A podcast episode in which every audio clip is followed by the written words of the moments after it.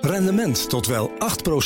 Ontdek Unity. Wij bieden koppelbare werk, kantoor en opslagruimtes die staan voor duurzaamheid, kwaliteit en veelzijdigheid. Sluit je aan bij Unity, waar alle ruimte is voor creativiteit, lef en rendement. Kijk voor meer informatie op unity-units.nl. De Friday Move wordt mede mogelijk gemaakt door TUI en Droomparken. Droomparken, je perfecte vakantie of een eigen tweede huis. BNR Nieuwsradio. The Friday Move. Ik lieg niet. Ik lieg daar niet over. Niet gelogen. Gelogen. ik heb niet gelogen. Dat is, ik sta hier niet te liegen. De waarheid. Ik spreek hier geen leugens, voorzitter. Wilfred Gené. Journalist Roosstikker is vanmiddag mijn co-host. En sinds, binnenkort- sinds kort eh, ze uit van de Talpa-familie. Dus een echte collega van mij. Dat is een ontzettend fijn gevoel. Verder hebben we Michiel Cozy hier. Die schreef een onthullend boek over de zaken Prins Bernhard van Oranje. En een wielenploeg opricht en dromen van de Tour de France. Bas Tietema, die doet het gewoon.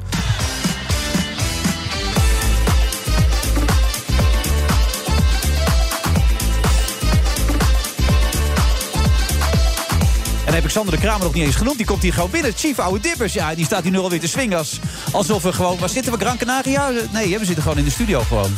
Afrika? Ja. Nee, ja. Nee, dat een keer dat wij op stap waren met z'n allen. Weet je er nog, Sander? Nou, nou, wat een gezelligheid was het allemaal. Maar we zitten gewoon in Dauphine. Maar je kunt helaas niet langskomen.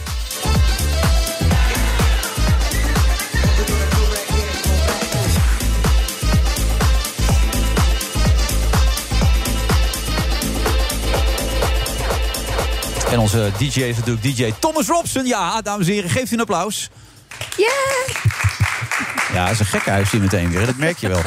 Hebben gelijk de politie op de stoep zometeen natuurlijk. Veel te dicht op elkaar en zo voor het allemaal. Roos, leuk dat je er bent. Hi, ja. Ik, ik had je al hoog zitten, maar toen ik hoorde dat je de, dat je de vijf uur show ging doen, dacht ik dit. Ja, je- nu, nu, ja. nu is eh, Ja. alles is bereikt. Het is klaar. Ik kan sterven. Het is Ja. klaar nu. Gewoon. Hele journalistieke carrière. Nu, dit is het hoogtepunt. Je hebt ja. 30 seconden gelachen, heb ik gehoord, toen eh, de hoofdredacteur bellen van het Ja, programma. minimaal. Hij zei later tegen me, ik had het op moeten nemen. Ik heb nog nooit iemand gehad die zo raar reageerde op een, eh, op een aanbod voor tele om iets met tv te doen. Ja. Mensen worden dan natuurlijk heel nederig. En oh ja, mag ik, mag ik. Ik vond het bizar. Ja. het heel raar. En nog Ja. steeds? Of vind je het inmiddels al een beetje... Nou, wennen? ik begin te wennen. Eh, ik begin ook te wennen aan de autocue. En, en dat je een oortje in hebt waar een soort god af en toe in toetert. Ja. Hoeveel minuten je nog hebt. minuten. En zo. Roos. Twee minuten. Opschieten, afronden, Afronden, afronden. afronden, afronden, Afronden. En daar dan toch een beetje scheid aan hebben natuurlijk. Ja? Dan begin ik, ja, tuurlijk. Zou ik nooit doen. Houd toch op. nee, ze hebben me geloof ik ook aangenomen om een beetje eigenwijs te zijn. Dus- Oh, dus je mag gewoon jezelf zijn. Zeker. Oh, wat ja, dat dat. zegt, dat zegt mijn hoofdlecteur de hele tijd. Maak het van jezelf. Maak het je eigen.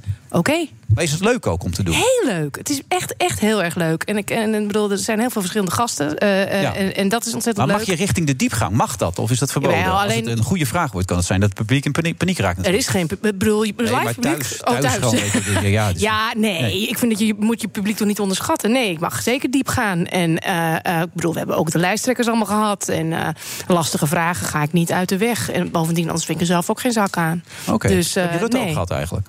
Heb jij Rutte toevallig ook gehad? Of? Nee, althans, ik kan het me niet herinneren. Oh. en dat is die man met die bril, toch? Die onze minister-president Oh, is. die was het. Ja, al hij kan het zich in ieder geval niet meer herinneren. Dat denk ik dan ook niet. Nee. Nee. Wat vind je ervan, wat er allemaal gebeurt? Ja, nou ja, ik ging gisteren. Ik dacht, ik ga even naar het debat luisteren. Ik ga even de hond uitlaten. En intussen luister ik met mee op mijn Ja. oortjes met het debat. En vervolgens heb ik geloof ik acht uur lang eh, me niet meer bewogen ongeveer. het was fascinerend natuurlijk. Met verbijstering heb je ja, zitten kijken. natuurlijk, zoals iedereen. Het was, eh, het was, ik, zei, ik, ik twitterde al, de Passion is erg vroeg begonnen dit jaar. Ja. Eh, het was natuurlijk een slagveld. Hoe, moet je, hoe moet je hier als spindokter mee omgaan? Denk je, als je de spindokter van Rutte bent, wat kan je dan nog tegen hem zeggen? Ja, niks. Alleen het- het- wat me wel verbaasde. eh, ehm, ehm, en wat- je ook wel merkte gisteren aan de oppositie. Iedereen was toch wel verbaasd dat hij toch met de. Ik kan het me niet herinneren. smoes kwam. Of Ja. met dat verhaal dan. Eh, omdat hij dat al veel vaker heeft gebruikt. We hadden toch iets beters verwacht. Maar Maar had toch wat ook dan kunnen wel? zeggen, we, we, wilden hem echt minister maken. Want dan, ik bedoel, hij wil zo graag eh, dingen veranderen in het land. volgens mij, had, volgens, mij had hij, volgens mij had hij gewoon kunnen zeggen: luister, omzicht was, is, omzicht was natuurlijk best wel een, een heet hangijzer. En ja, daar hebben we over gesproken. Zonder Ja. daar nog conclusies aan te verbinden. Is toch niet raar? Ja, klinkt logisch. Ik zal Ja. dan als een oudste, oud spindokter vragen. Henry Kruithof uit Eelde. Meneer Kruithof, goedemiddag. Meneer Kruithof denkt, nu wordt het toch een beetje spannend allemaal. Het gaat nu over een oud protégé enzovoort. Dat moeten we allemaal niet hebben natuurlijk. En die zit er in Eelde met een verbinding. En die heeft ook allemaal dingen voorbereid. En dan krijgen we meneer Kruithof niet aan de lijn. Meneer Kruithof, goedemiddag. Opgehangen. Nou ja, zul je altijd zien. Nee, hij heeft niet opgehangen. Volgens mij hebben we geen verbinding. Volgens mij is dat het probleem, als het een beetje flauw.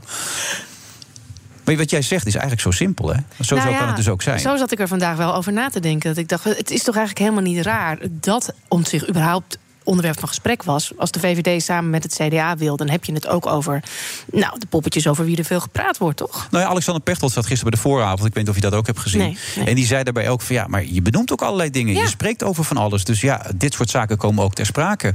En als het dan ook over de onderhandelingstechniek van, eh, van eh, Hoekstra gaat, dan kun je toch zeggen, nou, het valt me op dat hij niet zo heel gretig is. Ja. Dat schrijf je dan ook op. Ja. En dat GroenLinks alles wil inleveren aan erfstukken. ja, dat maakt dan ook niet uit. Migratie of klimaat, dat maakt gewoon allemaal niet uit. Dus, Nee, eh, dat schrijf je ook op. Ja.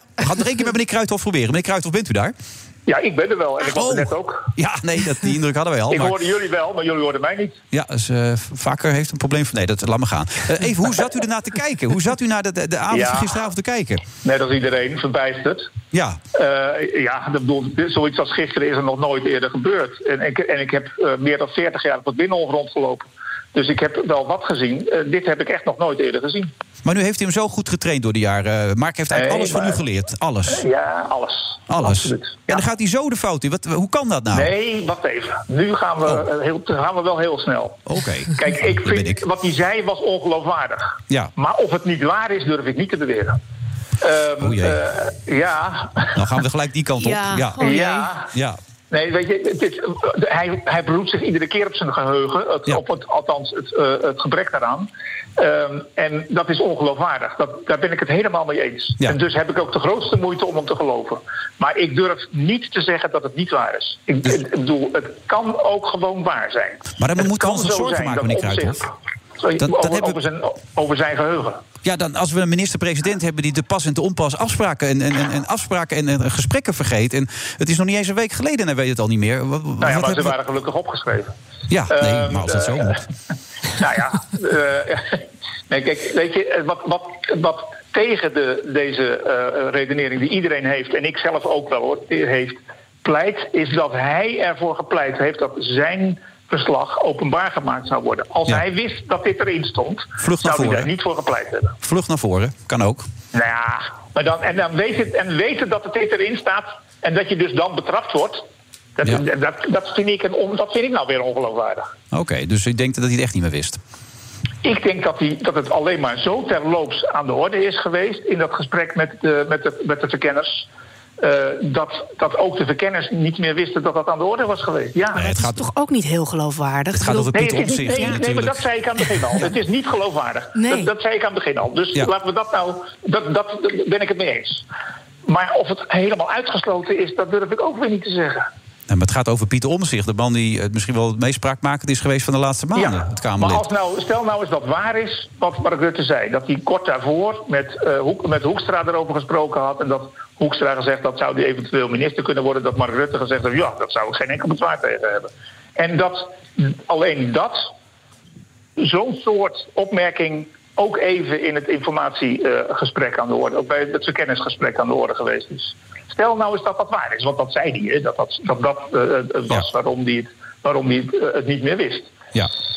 Ja, als Eh, dat voor de duidelijkheid, we spreken met de oud-spindokter van Mark Rutte. Ja, niet niet van, ja, van het CDA en niet van D66, ja, maar dat- van de VVD, nee, voor de duidelijkheid. Ik ben het helemaal mee eens, ja, zeker. Ja. Maar hoe, de- hoe, hoe vind je hier nou ooit het vertrouwen mee terug? Dat, dat is toch Nee, bijna- nee, hiermee niet natuurlijk. Nee, nee, dat, dat, daar zijn we het over eens. Wat er moet gebeuren is, in de eh, als we, ah, er moet nu een, een informateur komen, hè, want het verkennerschap dat slaan we over vanaf nu. Ja. Eh, eh, er komt een informateur en die informateur moet zeg maar de eigenschappen hebben van een relatietherapeut. Oeh. Ehm, eh, want, eh, ja, want kijk, de enige mogelijke coalitie die nu onderzocht kan worden is de huidige. Ja. Eh, met andere partijen is uitgesloten, want die hebben allemaal een motie van wantrouwen gesteund tegen Mark Rutte. Dus die zullen nooit met Mark Rutte nu Nee. een gesprek aangaan over een komende coalitie. Nou, dat Nee. betekent dus dat de huidige coalitie van D66, eh, ChristenUnie, CDA en VVD, dat dat de enige mogelijke optie is die nu onderzocht kan worden. Nou, dat betekent dat, dat je eh, eerst heel veel koffie met elkaar moet gaan drinken. Of een hapje moet gaan eten. Of misschien wel een borrel met elkaar moet. Ik weet het allemaal niet. Ja, op Maar in ieder afstand, geval hè? Anderhalve meter. Ja, en niet elkaar zeker, aanraken, niet dichtbij zeker. komen. Nee, allemaal waar. Ja, Heel belangrijk. U zei trouwens dat het een kat is met negen levens. Hij heeft nog niet al zijn levens verspeeld. Maar op welk leven zit hij nu dan? Ja, ja nou ja, vier, vijf, zou ik Ah, zeggen. nee, Zijn er nog wel toch? een paar, hoor. We zitten in de absolute slotfase. We Ja. zitten in acht of negen nu toch wel, Nee, neem ik ja, aan. dat hoeft... dat- Nee, Jawel, oh, meneer Kruithof, veel te kom snel, op. Veel te snel. Nee, hou eens op, Veel te snel. Veel te snel. Dit- ja, want Mark Rutte, die op de ene, het is toch ook een soort Houdini. Op, op de een of andere manier weet hij zich altijd weer uit de ketens te bevrijden. Ja. En, Ja. en, en komt hij weer terug. Maar we hebben een heel Ja. cv vol geheugenverlies. Dat kan toch niet meer? Er zitten echt al acht geheugenverliesjes bij, hoor, kan ik me herinneren. Dus eh, en die kant hou ik wel. Ja, maar ja. En tot nu toe is hij daar, is hij daar, ook, is hij daar ook altijd mee weggekomen. Ja, maar Dus er is ja. een dag. Maar goed. Meneer Kruithof, Nee, bedankt voor uw niet. toelichting. Nee, nee, oké. Nee, daar zijn we het over eens. Er is een dag dat het niet meer gaat. Daar zijn Ja. we het altijd over eens. natuurlijk. Oké, meneer Ik denk dat hij nog niet is aangebroken, maar goed. Dat, ook dat, hij zal u zo wel even bellen om te bedanken, denk ik. Ja. Tot later, hè. Groetjes. Oké. Dag. 4.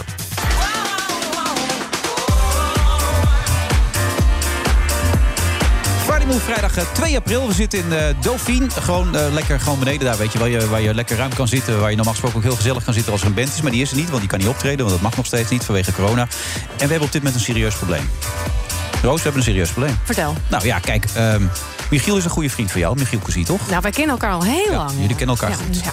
Dan zag ik Michiel van de week op tv zitten. Toen heb ik hem zelf geïnterviewd op Radio Veronica. Jij hebt hem geïnterviewd voor de vijf uur show. Nee, nee, dat, Michiel dat- nou weer net niet. Oh, die we hebben wel een heleboel andere gasten van vandaag, maar niet Michiel. Oh, gelukkig. nou, stel jij dan eens een paar vragen, want ik ben er helemaal doorheen. Ik heb, ik heb die programma's gezien met hem. Ik heb hem zelf geïnterviewd. De zakenprins. Je hebt er gewoon geen zin in. Nee, ik heb er wel zin in, maar ja, dan ga ik, ik kan al die interviews weer opnieuw met hem gaan doen. Dus, Oké, ja, dus dat jij er een andere invalshoek in kan kiezen. Nou ja, de, de, de, de, de eerste vraag is natuurlijk eh, sowieso... ehm, heeft Bernard van Oranje überhaupt gereageerd? Nee. Volgende vraag. Goeie Hou je mond nou even, doe even normaal. Zo, hij heeft niet gereageerd, heeft hij me verteld. Hey, jij heet toch niet Michiel? Nee, dat is waar, Waarom sorry. nodig Ja, je dan nee. een gast uit Nee, wie je alles al weet? Oké, Michiel. Nee, Roos, hij heeft nog niet gereageerd. En denk je dat hij dat gaat doen? Ik denk niet dat hij het gaat doen. Wat zou de eerste vraag zijn die je hem zou willen stellen? Eh, waarom heb je ehm, die beslissingen genomen die je hebt genomen... die wij dan in het boek beschrijven? Eh, want- noem eens wat. nou, kijk, wat ik me de hele tijd afvraag... ehm, hij is koning, of eh, sorry, hij is van het konings, koninklijke familie. Ehm, en hij is zakenman. En nou ja, met die twee identiteiten, daar worstelt hij mee. Ja. En tegelijkertijd, ehm, ja, hij vindt zelf van... ik ben zakenman en, en mijn afkomst doet er verder niet toe. Ja. Ehm, tegelijkertijd, als hij eh, iets doet wat niet helemaal mag, dan eh, komt daar heel veel opheffen over. Ja. En toch doet hij, neemt hij risico's waarvan hij weet van, eh, of kan weten van ja, dat gaat mij ja, dat gaat, gaat ophef veroorzaken. Daar Ja. krijg ik last van. Ja. Waarom doet hij dan toch? ja. Wat, denk je dat het antwoord zou zijn? Kunnen zijn? Nou, ik denk dat hij zich dat helemaal niet afvraagt. Dat hij dat er niet toe vindt doen. Het kan hij het zaak- gewoon niet schelen. Nou, dat weet ik niet, maar hij vindt zichzelf zakenman. En hij, wat hij altijd zegt is van ja, mijn afkomst doet er niet toe. Ik, ik, wil, ik wil erkenning als zakenman, dus mijn prestaties hebben niets te maken met mijn afkomst. Dus ik hoef daar ook geen eh, verantwoording over af te leggen. Zit daar niet ook een beetje wat in? Ehm, dat die zakenman en, en, en Nou ja. prins is, daar zit wat in. Nee, dat sowieso. Maar, maar, maar ja, Nou ja, hij dat- kan het dat- ook niet helpen. Dat hij prins nee, is. nee, nee, dat kan hij niet helpen. Maar tegelijkertijd heeft hij er ook Hij zit- profijt van. Zet hè? je gelijk klimmen, Michiel. Dit, niet Nee, Nee, nee, maar hij heeft- daar- moment. Nee, maar hij heeft daar, hij heeft daar, hij heeft natuurlijk ook ontzettend veel profijt van gehad. Ja. Dus wel de beroemdste familie van Nederland. Dus overal waar hij binnenkomt, hè, dan, dan gebeurt er iets. Maar eigenlijk Ja. zei, Het dat zei je feit van de dat de week deuren ook. Dan moet opengaan. bepaalde, bepaalde dingen, eh, Servië zaken doen... terwijl je weet dat het allemaal niet kan. Dat is een, beetje Het is een Duitsland. corrupt land. Corrupt land. Dat moet je als je zakenman bent, maar zeker als je van de koninklijke familie bent... die kant moet je niet opgaan, zei je toch? Dat is daar een beetje wat op neerkomt. Precies. Ja, dat zeg je ook over vastgoed. Jij zit ook in het vastgoed, las ik. ja. ja, mijn vader. Ja. Ja. Nee, maar goed, ja, ik las het laatste stukje uit quote enzovoort. Ja. Eh, is dat een verkeerde wereld? Nee, ik vind van niet. Maar nee, ik vind van niet. Nee. Maar ik zit, er, ik zit er niet eh, dagelijks in, zou ik maar zeggen. Nee. Maar mijn vader die zit in het vastgoed, ja. Ja. Maar jij vond het, dat is ook een wereld waar die niet in moet verkeren, zeker Vind niet. ik wel. Nou ja, als ik prins zou zijn, zou ik niet in het vastgoed stappen. Zeker niet als ik al, al heel erg succesvol ben. Hè. Dus, dus het, is, ja, het is natuurlijk bedoeld om meer rendement, om het geld vast eh, zijn Ja, werk hij heeft te zoveel laten geld doen. verdiend, hij moet het ergens kwijt natuurlijk. Ja, dat, dat snap doen ik wel. Maar het is natuurlijk wel een, een, een riskante wereld. Ik zeg niet dat het helemaal fout is, maar je hebt het, eh, ik bedoel, een, een, een gedoe of een rechtszaak ligt altijd daar op de hoek. Of je nou een, met boze huurders Ja. Heeft hij ook gehad. Ja, toen had hij eh, geen vergunningen, het zat er veel Precies, in. en, Ja. en, en ook een keer een snackbarhoudster die, eh, die meteen naar de krant liep... en de voorpagina van de Telegraaf haalde. Dat zit, ligt natuurlijk altijd op de hoek. Je moet altijd maar we- eh, afvragen met wie je zaken doet in die, in die wereld. Een, een rechtszaakje meer of minder is... eh maar mag je überhaupt wel zaken doen? Of zeg je, wat, Ja. Zeker, wat voor zeker. zaken, wat voor Nee, zaken kan hij absoluut. wel doen? Want het is een zakenprins. Nou ja, hij heeft natuurlijk, bekend. Hij had hij toen is- al de, de Ritse courier zat hij toen, hè? Ja, daar, daar ging het al meteen mis maar, voor hem. Maar ehm, hij heeft natuurlijk heel lang in internet gezeten... en dat ging buitengewoon succesvol. En dat hij moet blijven doen. Dat is wat je eigenlijk zegt. Nou ja, hij heeft, hij heeft, hij heeft zijn bedrijf verkocht, daar kan me ook wel iets bij voorstellen. En nu heeft hij ook een goedlopend eh, softwarebedrijf. Hè, waarbij hij werk uit van klanten eh, laat verrichten in, in de, op de Balkan. Ja. Hè, dat is dan goedkoper. En dat gaat, ik geloof dat er iets meer dan duizend me- mensen voor werken. Dus ik zou zeggen, joh, hartstikke goed, succesvol. Waarom al dat gedoe opzoeken? Maar is het een Nederlandse benadering? Dat wij in Nederland zijn snel, hè? Zo van, eh, van ja, dat Ja. mag wel en dit mag niet. eh. Nou ja, het zegt wel ook wel iets over ons natuurlijk. En, en dat is ook de, de reden waarom we zo eh, met hem bezig zijn geweest. Omdat we merkten nadat we in, voor het parool die stukken schreven eind 2017 over zijn vastgoedbezit, dat hij hele verschillende reacties opwekt. Hè, sommige mensen vinden het fantastisch dat we een prins hebben die zijn eigen brood verdient, die geen Ja. toelage Ja. krijgt. Ook niet elk jaar dat gedoe over hoeveel krijg je, krijg je nu weer.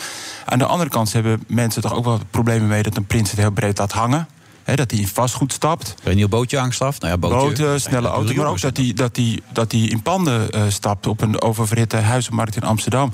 En dan heb je natuurlijk ook nog ja, het, het feit dat hij dan ook nog regels overtreedt.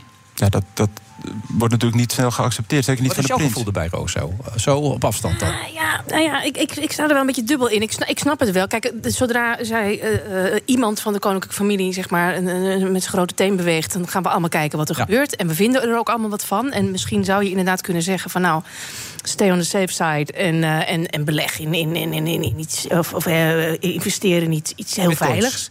Ja, maar ja, aan de andere kant vind ik het ook wel weer... Hè, om zomaar te roepen, ja, vastgoed, het is een hele schimmige, foute wereld. Nou, dat is ook heel vaak onzin. En bovendien, eh, bitcoins, ik weet het niet. Eh, eh, weet je, er zijn natuurlijk alles waar Moet je... ook niet doen. Nee. Ja, nee, maar kijk, het gaat ja, niet dat- om dat het een schimmige vaste wereld is. Dat zeg ik ook helemaal niet. Maar als je als prins zoiets gaat doen, dan moet je op je hoede zijn.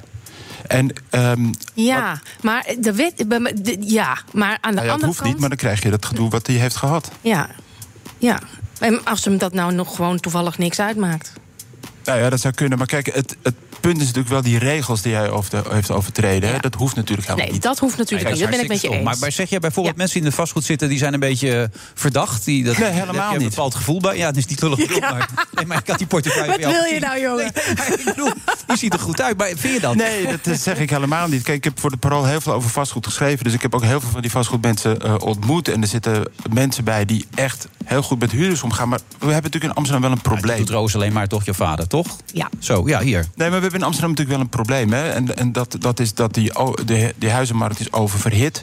En er zijn er toch wel een aantal eh, partijen die daar gebruik van maken... door heel veel huurders in hele kleine hokjes te stoppen... om ze een hoog mogelijke huur Ja. Eh, Nee, en daar kun je vragen. natuurlijk moreel Dat absoluut is- iets van vinden. Precies, en dat was in die panden die wij hebben onderzocht... was dat gewoon wel aan de hand. Ja. Ja. Ja. Nou, dat is inderdaad een punt, dat, daar zou die rekening mee kunnen houden. Maar op zich in vastgoed zitten en op een normale, netjes manier doen... zou je zeggen, dat zou je kunnen doen? Of jij vindt eigenlijk dat hij eruit zou moeten stappen? Nee, ik vind helemaal niet dat hij eruit moet stappen. Alleen hij moet niet, als, daar, als hij het risico neemt om in vastgoed te gaan... Hm? en het komt uit dat daarbij regels worden overtreden... moet hij daarna niet in zelfbeklag gaan eh, uiten van... de, ja, ik, ik word gepakt, want het is alleen maar Omdat ik een prins ben. Ja, ja, en ik, ja, kijk, en daar, daar zit die, die worsteling bij hem. Dat hè. voel je bij hem wel, dat hij dat steeds Ja. dan als excuus aanvoert... dat, dat hij het belachelijk vindt. Ja.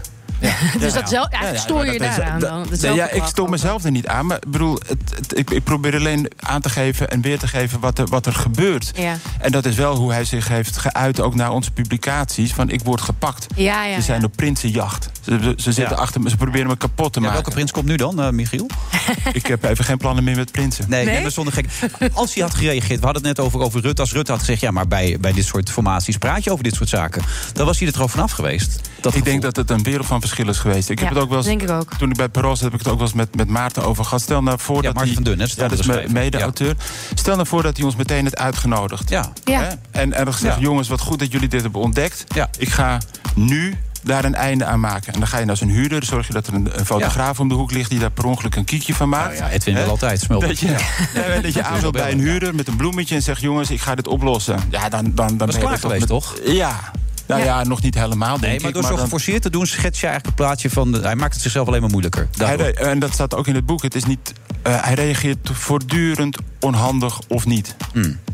En, dat is eigenlijk, en niet reageren is eigenlijk ook onhandig. Ja, want op een gegeven moment, dat staat ook in het boek, wordt hij uitgenodigd. Kijk, de politiek in Amsterdam vond het fantastisch. Hè? Die waren al bezig met deze problematiek, maar kregen het niet helemaal lekker op de kaart. Nou, dan krijg je een gezicht. Ja. En wat voor een, een koninklijk gezicht. Ja.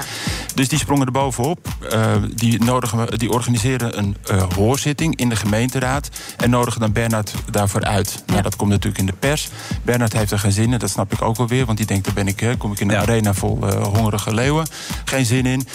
Ehm, maar zijn, eh, zijn spindokter zegt van ja, je moet wel. ehm, het is wel de gemeenteraad, het is wel een gekozen vertegenwoordiger, het hoogste orgaan van de gemeente. Je moet even netjes reageren, want je bent prins. Ja. Dus die man die schrijft een brief voor hem, postzegeltjes erbij, enveloppes. Zegt van hier heb je de brief, stuur er nou. En dan zegt hij nou, ik heb al een mail gezegd, ik heb, ik heb, er, ik heb geen verstand van, van het vastgoed.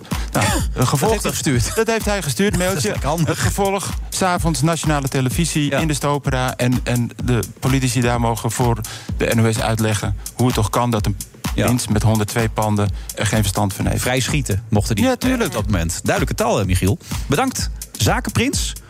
En eh, ik neem aan dat jullie elkaar binnenkort zien, toch? Dan, eh, Vast wel. Ja, oké. Succes. Dankjewel. BNR Nieuwsradio. The Friday Move. Uit het verslag van mijn gesprek blijkt dat het wel over Pieter Omtzigt is gegaan. Het is, het is gewoon slecht voor het aanzien van de politiek. En we weten nog helemaal niets. Wilfred Gené. Bernard Handelburg en Bas Tietema. Schuiven allebei aan zometeen.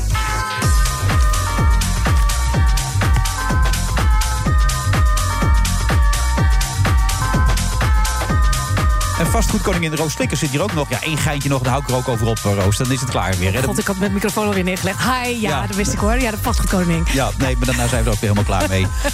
Eh Bernard, goed dat je er bent. Ja, fijn om te zijn. Ehm, kun jij je... ges- het ges- oh, jij was een beetje boos over het Bernard van Oranje verhaal net, merkte ik aan je. Nee, helemaal niet. Nou Nee, ja. ik- nee, niet boos. Ik, ik vond het onvolledig. Want ik, wat mist is het feit dat hij zich Bernard van Oranje noemt. Ja. Terwijl die bij mij weten Bernard van Vollenhoven heet. Oké. Be- Bernard en dan nog een heleboel namen. En dan van Oranje van Vollenhoven. Zo is het geloof ik voluit. Ja. Dus dat mag, dat moet Ja. hij zelf weten. Alleen dan kan hij niet zich op een ander moment beklagen... dat misbruik wordt gemaakt door anderen van het feit dat hij een prins is. Nee. Dat vond ik opmerkelijk. Nee, Dus laat ik het zo zeggen, ik, ik miste die vraag in eh daarnet. Ja, sorry, maar we hadden hem allemaal geïnterviewd. Dus eh, dat is op een gegeven moment, ehm, ja, dan weet je het ook niet meer natuurlijk. Nee, nou, Dat is- houd op. Maar wel goed gedaan. Maar hij is al weg Ja. volgens mij, of Michiel? Ja, hij is al weg, ja. Ja, nou ja, niks meer aan te doen. Nee, maar hij had er vast een antwoord op gehad. Eh, Daarom, ik, miste, ik had het graag Kun je nog herinneren waar we het vorige week eh, vrijdag over hadden? Ehm, ik denk... Nee, dat niet helemaal. Ik denk over de... de eh, Kijk, in jouw geval mag het, hè? Voor de duidelijkheid. Nee, in jouw nee, nee, geval nee. mag het. wat zeg je? In jouw geval mag het. Ik bedoel, je bent Ik mag het vergeten, ja, ja, ja. ja. Nee, maar ik, ik, heet, ik heet geen Rutte en ik Nee. draag geen enkele Dat verantwoordelijkheid. bedoel ik dus inderdaad. En Nee, het scheelt dat- toch 20 dat- jaar, al- dus... eh, Allemaal waar, maar ging over de EU, weet je, mij- vaccinaties hadden we het vorige, over, over vaccinaties precies. ja, dat Ja. was het inderdaad. Maar wat ik al zeg, in jouw geval mag het. Wat vind je van eh, dat het bij Rutte ook gebeurt?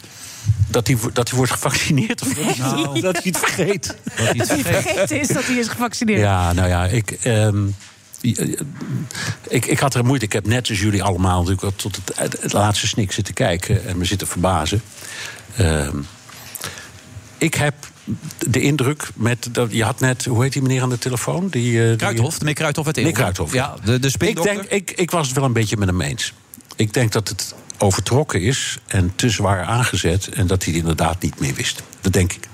Dus ik betwijfel of hij liegt. Ehm, Maar er is toch wel Maar- een structuur te ontdekken... In, op het moment dat er iets fout gaat bij Rutte, dat hij het niet meer weet. nee, dat kan, dat is waar. Maar, maar je moet ook kijken naar eh, de, de voortgang. En eh, ja, iedereen zit te tellen en te rekenen en zijn eigen sommetjes te maken. Er is geen coalitie denkbaar zonder VVD. Nee. Probeer het maar. Ga het maar zitten uitrekenen. Nee, Iedereen heeft het geprobeerd. Ja. Dus je, naar mijn idee, hoe dit verhaal afloopt... zoals met zoveel van die heel grote kwesties die zo boem exploderen... dit is anderhalve week eh, lang Ja. is dit, eh, zit het bij iedereen in zijn kop... en dan schrijft hij de grote stukken over en wij Ja. doen er interviews over. En dan eh, sterft het langzaam. En, Niks beklijft meer in deze Nee, en nou ja, zo'n formatie duurt drie tot vier maanden. Laat ik vier zeggen vier maanden. Dan doet hij nu vier maanden en twee weken. Er komt gewoon een stukje bij. En dan komt er weer een kabinet. En ik denk dat de VVD en ook Mark Rutte daar gewoon weer een rol in spelen. Hmm. Dus ik vind het ook allemaal een beetje Ja, maar dat houdt dus het heeft, van de dag. het heeft allemaal ook iets hypocriets, vind ik. De manier waarop het gebeurt. En zeker de rol van het CDA en D66 vond ik met die, die, die motie van afkeuring en zo. Ja? Kom op. Ja. Voor de vorm. Doe dan een motie van wantrouwen. Hè? Mik hem er dan uit, toch? Mik hem er dan uit, ja. ja. dan consequent. Nieuw leiderschap had de Kaag toch gezegd. Hij, We willen nieuw leiderschap. Dan had, dat is nog ingewikkeld, want dan hadden ze hem uh, dan was hij, had hij moeten aftreden als demissionair premier. Maar als Kamerlid kun je kunt niet een Kamerlid eruit gooien. Nee. Want die is gekozen door het volk. Hmm. En zoals hij zelf terecht zegt, hij heeft 1,9 miljoen stemmen. Dus uh, je kan hem niet zomaar. Dat kan niet. Er bestaat geen procedure voor. De grondwet voorziet daar niet in. Sterker nog, de Nederlandse grondwet kent niet eens het begrip partij. Dat staat niet in de grondwet. Alleen maar dat er 150 Kamerleden en 75 senatoren worden gekozen. Maar het hele idee van partij en coalities, dat hebben we gewoon maar zo bedacht. Maar het staat niet in de grondwet. Oké. Okay. Staat niet op de kaart, zeg maar, zoals ze bij Lingo zeggen. Nee. Oké, nou duidelijk. Hey, het gaat gebeuren zometeen, hè? Kijk je er naar uit? Ja, zeker. Ja, Ik kijk er enorm naar uit. Ik ben heel blij mee. Kijk je er goed tegen? Kijk je dan ook of kijk je altijd weg ja, nee, bij dat nee, soort dingen? Kijk, nee, je kijkt gewoon mee. Ja, kijk gewoon oh. mee. Ja, ja, Jij niet als ik, als ik altijd als ik, bloed, als ik bloed heb, moet prikken, kijk altijd, dan ga ik al een beetje naar links kijken. Ah, goed zie. Ja, nee, ik hoef dat niet gelijk te zien. Ja, nee, ik vind, ik, ik vind het prima. En deze ga ik echt gewoon met plezier ga ik uh, die naald in mijn arm zien glijden. ja, dat en dan, en Zo dan, klinkt het heel erg uh, erotisch meteen. Ja, zo is dat. En, uh, ik wil niet moeilijk doen, Bernhard, maar het is toch een medische handeling ja, dit, we hadden het er net al over. Het wordt het Sputnik-vaccin, dat weet je. Oh, ja, ja, ja, oké. Die heb jij als eerste in Nederland? Ja, pas ik als eerste als Nederland. Ja, en daarna de wodka. Nee hoor, het wordt, uh, ja, nee, het wordt uh, Pfizer. Oh. En je hebt daar niks over te zeggen, overigens. Maar als het een AstraZeneca was geweest, had je het dan ook gedaan? Ja, dat, ja had ik het ook gedaan. Ik, Echt waar? ik heb geen keus. Nou ja, je kan het ook niet doen. Je kan het ook niet doen. Ja, ja maar zou jij het niet doen dan? Nou, ja, ja, nou, bij zo'n AstraZeneca. Echt? Ja, zou ik toch nog even gaan nadenken nu. Oh. Als ik hem toch krijg, dan heb ik liever een andere dan, toch? Ik ook, maar nogmaals, het wordt voor je bepaald. Ja. Je hebt er heel weinig over te zeggen. Je kunt, ik weet trouwens niet hoor. Of het, ik, ik weet in België wel. Daar weet ik een vriend van mij die, die daar woont. Die had die situatie, dat hij AstraZeneca zou krijgen. En zei, als ik Pfizer wil, kan dat ook. Toen zeiden ze je wel, maar dan komt u volgende maand. Maar ik kreeg wel meteen een afspraak. Oké. Dus die kon, dat, die kon daarover onderhandelen. Maar hier kan dat. Hoe oud is die vriend?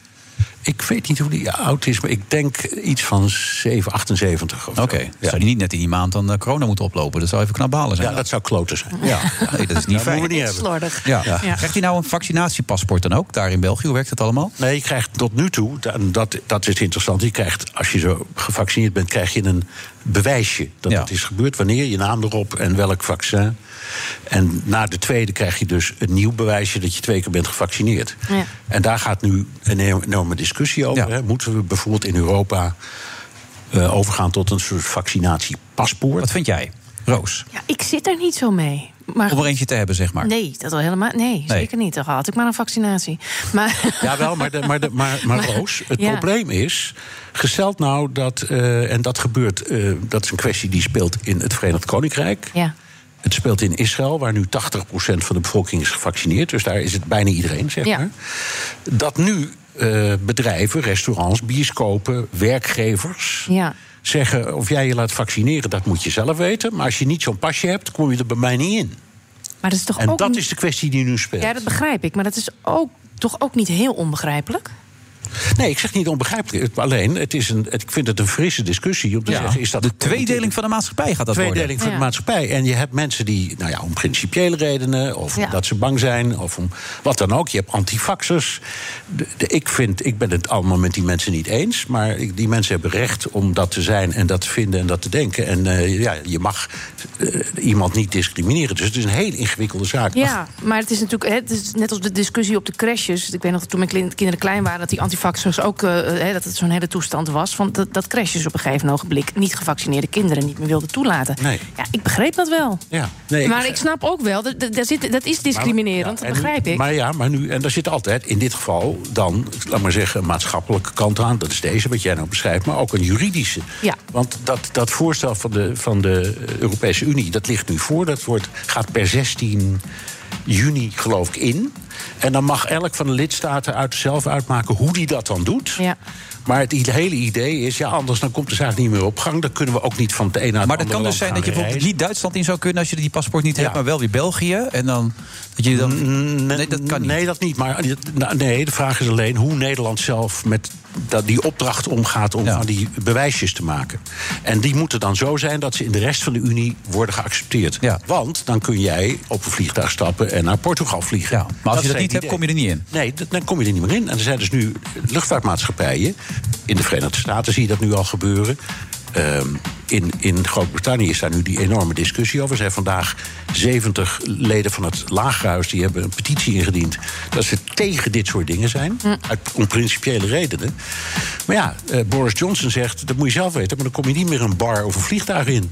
We moeten kiezen Nou, of een beetje Engelsman die wil wel een bar in natuurlijk. Dus ja, die zegt, eh, waar is dat paspoort? Ja. Daarom zei hij ook eerst bar en toen pas vliegtuig. Ja, nee, dat kan ik me heel goed voorstellen. Ja.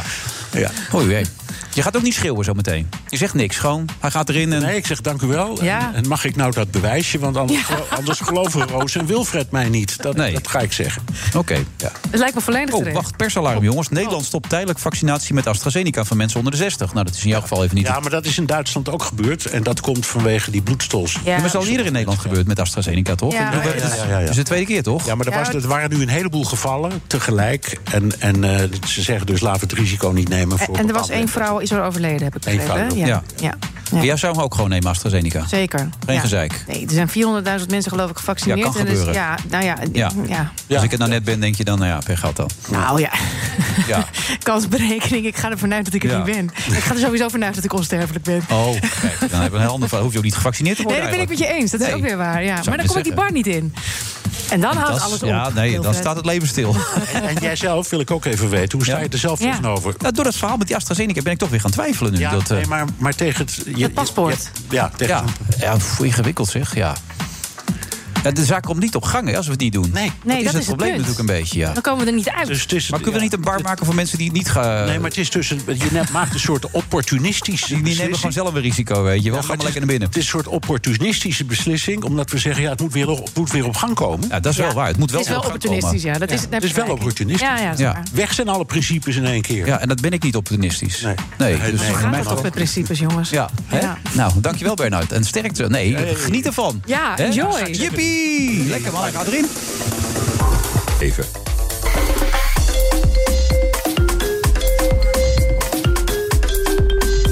Friday Move vrijdag 2 april. Gisteren was het 1 april. En morgen is 3 april.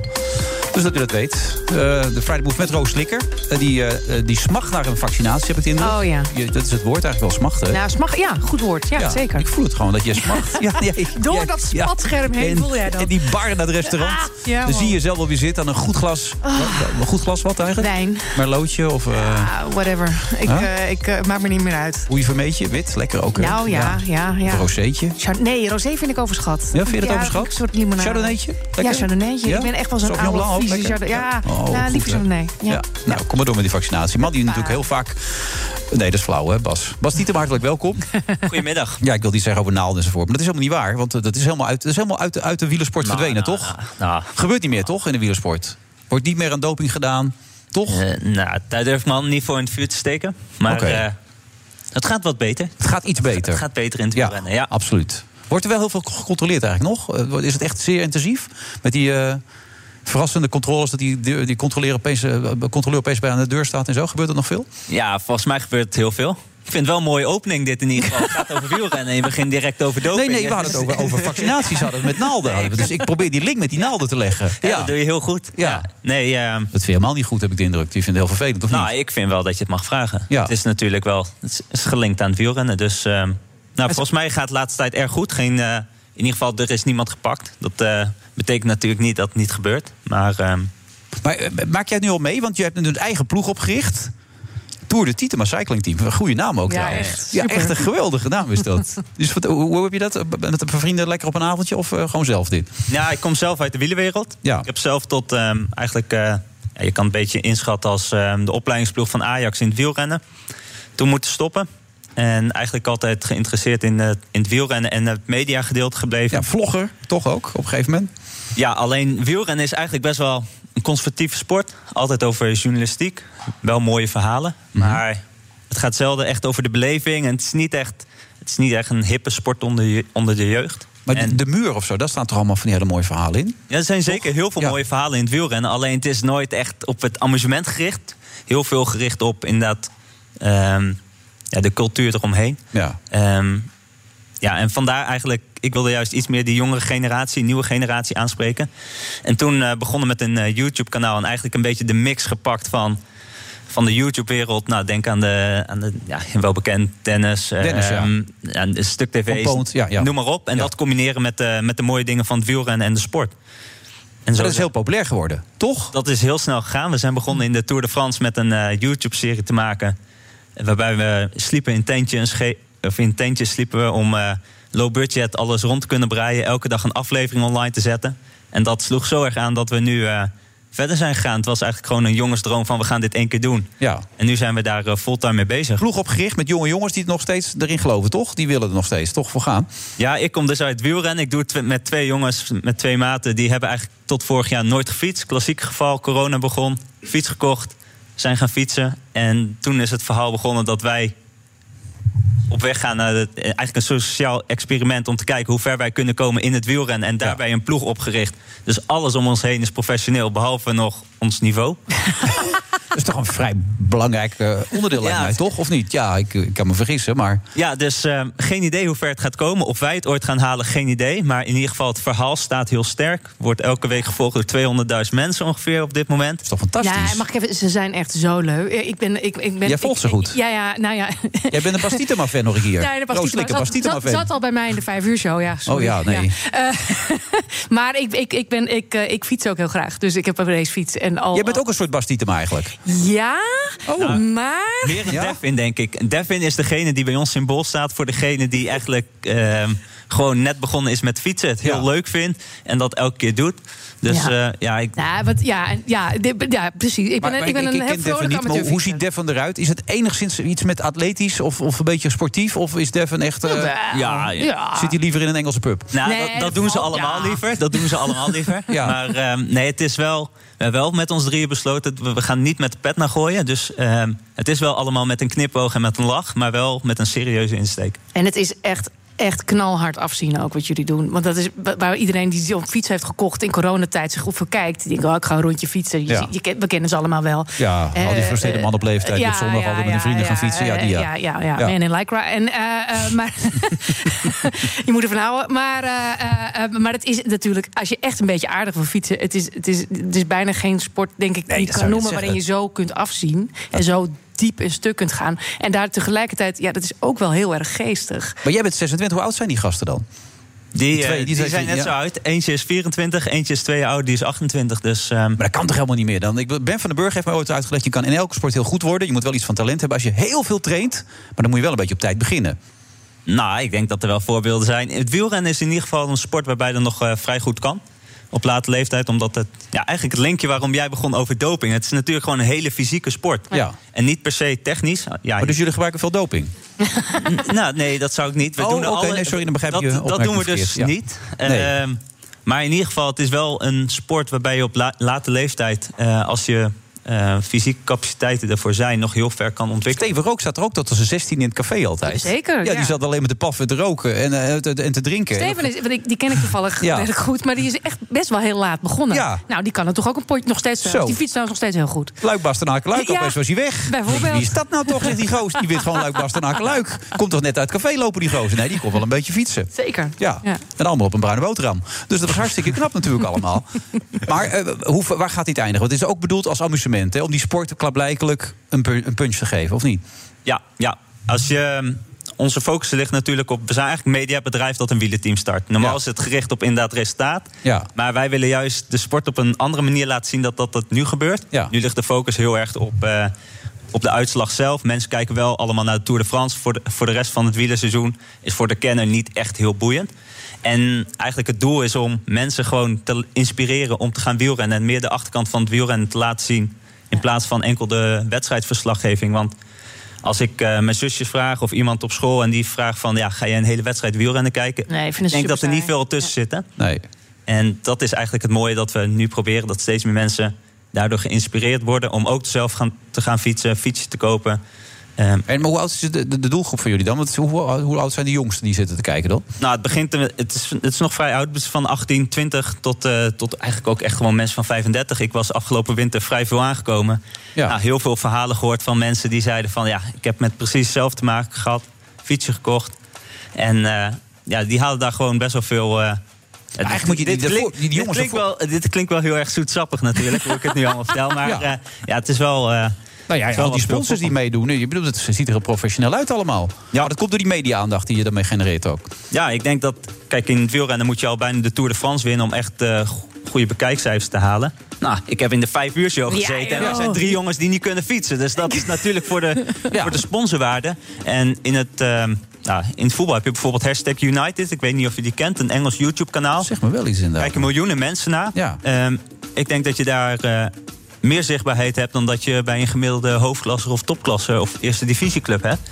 Dus, ehm, Maar wat is het doel dan? Ik bedoel, natuurlijk, je wil dat die jongens ver komen. Maar wat is je bedoel van je bereik en, eh, en dit succes? Wanneer is het echt een succes? Nou, ik hoop dat we de cirkel rond kunnen maken. Dat we uiteindelijk echt wel in de Ronde van Vlaanderen of Tour de France kunnen ri- rijden. Maar dan meer vanuit het verhaal dat mensen dat verhaal volgen. Het, is niet Ja. per se, het doel is niet per se het doel. Maar het doel is de weg ernaartoe en daar mensen in meenemen. Het is boeddhisme, is dit. Ja, het is is het boeddhisme. Ja. Nou, maar je ziet het Je moet altijd onderweg zijn in het boeddhisme, zeggen ze namelijk. Nou, maar je ziet het natuurlijk al steeds vaker. Bijvoorbeeld bij Drive to Survive, de Netflix-serie. Die vinden superveel mensen heel vet om te zien. Ja. Die niet misschien allemaal naar de Formule 1 daadwerkelijk zelf kijken. En Ja. dat is ook een beetje de insteek van Ja. eh, hoe ons... Echt een leuk idee, ja. Hartstikke goed. Nou ja, ik kan je alleen maar heel veel succes wensen natuurlijk. En hoe was het toen je naar de vijf uur show was geweest? Je kon niet meer over straat nemen. Nee. Aan, overal mensen die je aanklampten. Je zat bij Roos, weet je wel. Gekkenhuis natuurlijk, ik- handtekeningen. Ja, hè? Ik schoof daar dus aan. En het begon direct. De eerste, het eerste onderwerp was over de paddentrek. Ja, paddentrek. Dus Oh, ik dacht, waar ben ik in beland? in godsnaam zeg. De paddentrek, Heb, ja. ik, heb ik twintig minuten lang heb ik ja lopen Nee. klikken over... Ja, het, het, het gaat Nee, niet goed. waar. Dat heb ik ingekort tot vijf minuten, Bas. Nu overdrijf je echt. Nee, Ja, het was ernstig gesteld met de padden. het Nou ja. valt niet mee. Het valt allemaal niet Je mee. moet oppassen met die paddentrek. Dat ja, is, ik bedoel, die er worden ook zijn veel mensen dood. die dat allemaal met emmertjes overbrengen en zo. Ik weet Ja. er inmiddels ook alles van. Ja, en Ja. Bas ook. En Bas Ja, ook. ik weet- moet oppassen hè, wat ik zeg. Straks heb ik iedereen die de padden trekt. eh, Ja.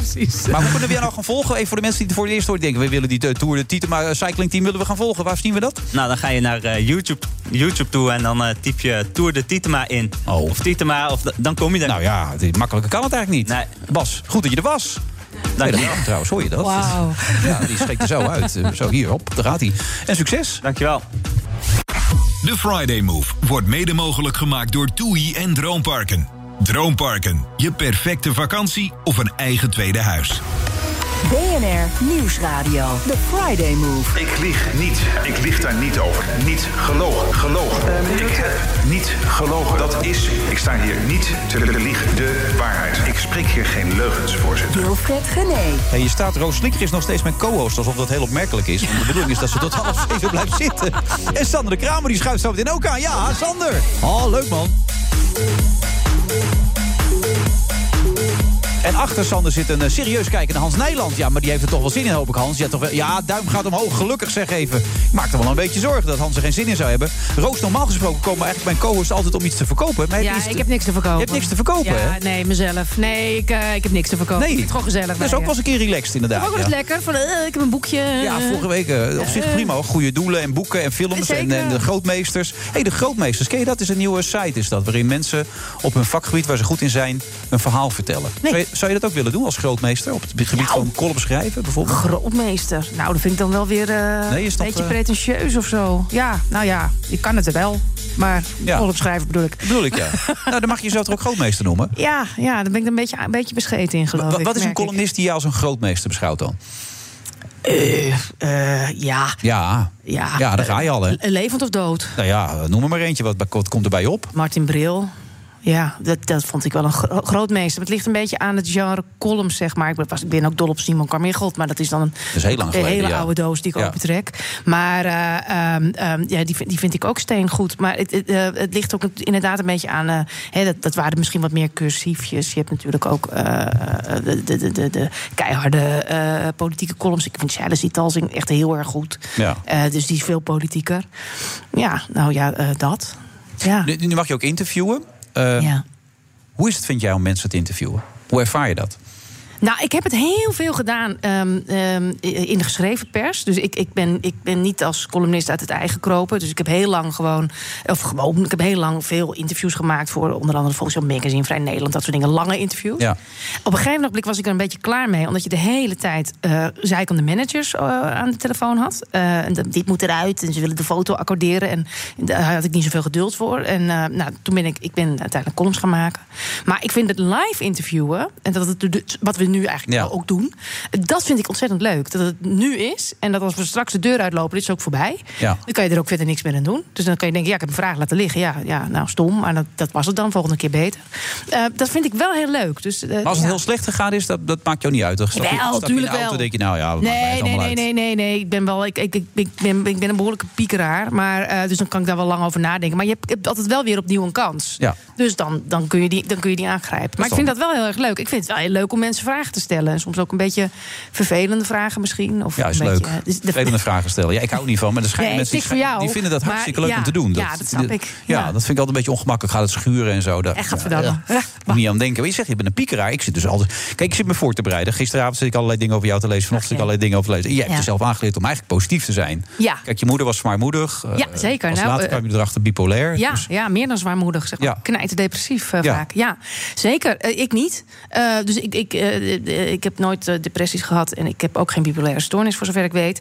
Eh, maar ik kan wel weemoedig en soms wat zwaar op de hand zijn. Mhm. Eh, dat is ook helemaal niet erg, overigens. Maar, eh, en tegelijkertijd heb, ik ook wel een heel hoog blij eigengehalte. Het, eh, het, het, Eh, daarom die piekeraar, die past niet helemaal in dat plaatje. Nou, dat is natuurlijk ook wat niet iedereen altijd ziet. En, en als je een beetje vrolijk binnenkomt en met Mhm. een beetje. eh, ik heb van nature vrij veel energie en beweeglijkheid, zou ik Ja, maar zeggen. dat is ook wel was wel lastig in beeld. Als je Dat is heel lastig. Ik zwabber de hele tijd het beeld uit. Ja. En eh, arme geluidsmensen, want ik knal de hele tijd op mijn microfoontje. Ja, zo bij die vijf hoor, je vertellen, Ja, ik weet het. Ik weet het. Die arme jongens. Ik, de- ik, ik heb heel veel excuses al gemaakt. Maar, eh, de, dus ik kom altijd wel met een, met een bepaalde flair waarschijnlijk binnen. Waardoor mensen altijd heel snel denken: oh, wat een vrolijk, eh Ja, zonnig Maar type. dat is allemaal niet waar, dus begrijp ik nu. Het is een piekeraarster. Dat is allebei. Dat is allebei. Oh, dat is wel zo. Het is wel allebei. Ja, ja. het is, ik lig niet dagelijks wenend in mijn bedje. Maar de, de, soms eh, drukt het leed van de wereld ook zwaar op mijn schouders. Ja, Ja. maar dan heb je François en die trek je eruit. En die zegt, die twee jongens natuurlijk. En die, Ja, ah, daar heb je er weer, hè, toch? Vier katten en een hond, hè? Heb je dat ook gelezen? Dat kwam ik niet tegen. Nee, ik heb, ik heb een hond. Vier katten en een hond. Frenkie de hond heet hij.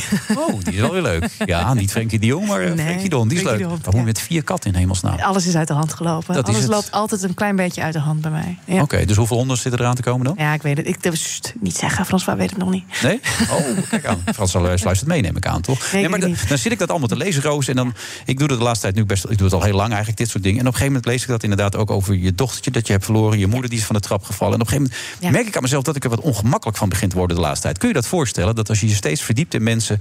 en dat je er eigenlijk wel heel veel over kan lezen van mensen... dat je op een gegeven moment denkt van... ik word er een beetje ongemakkelijk van.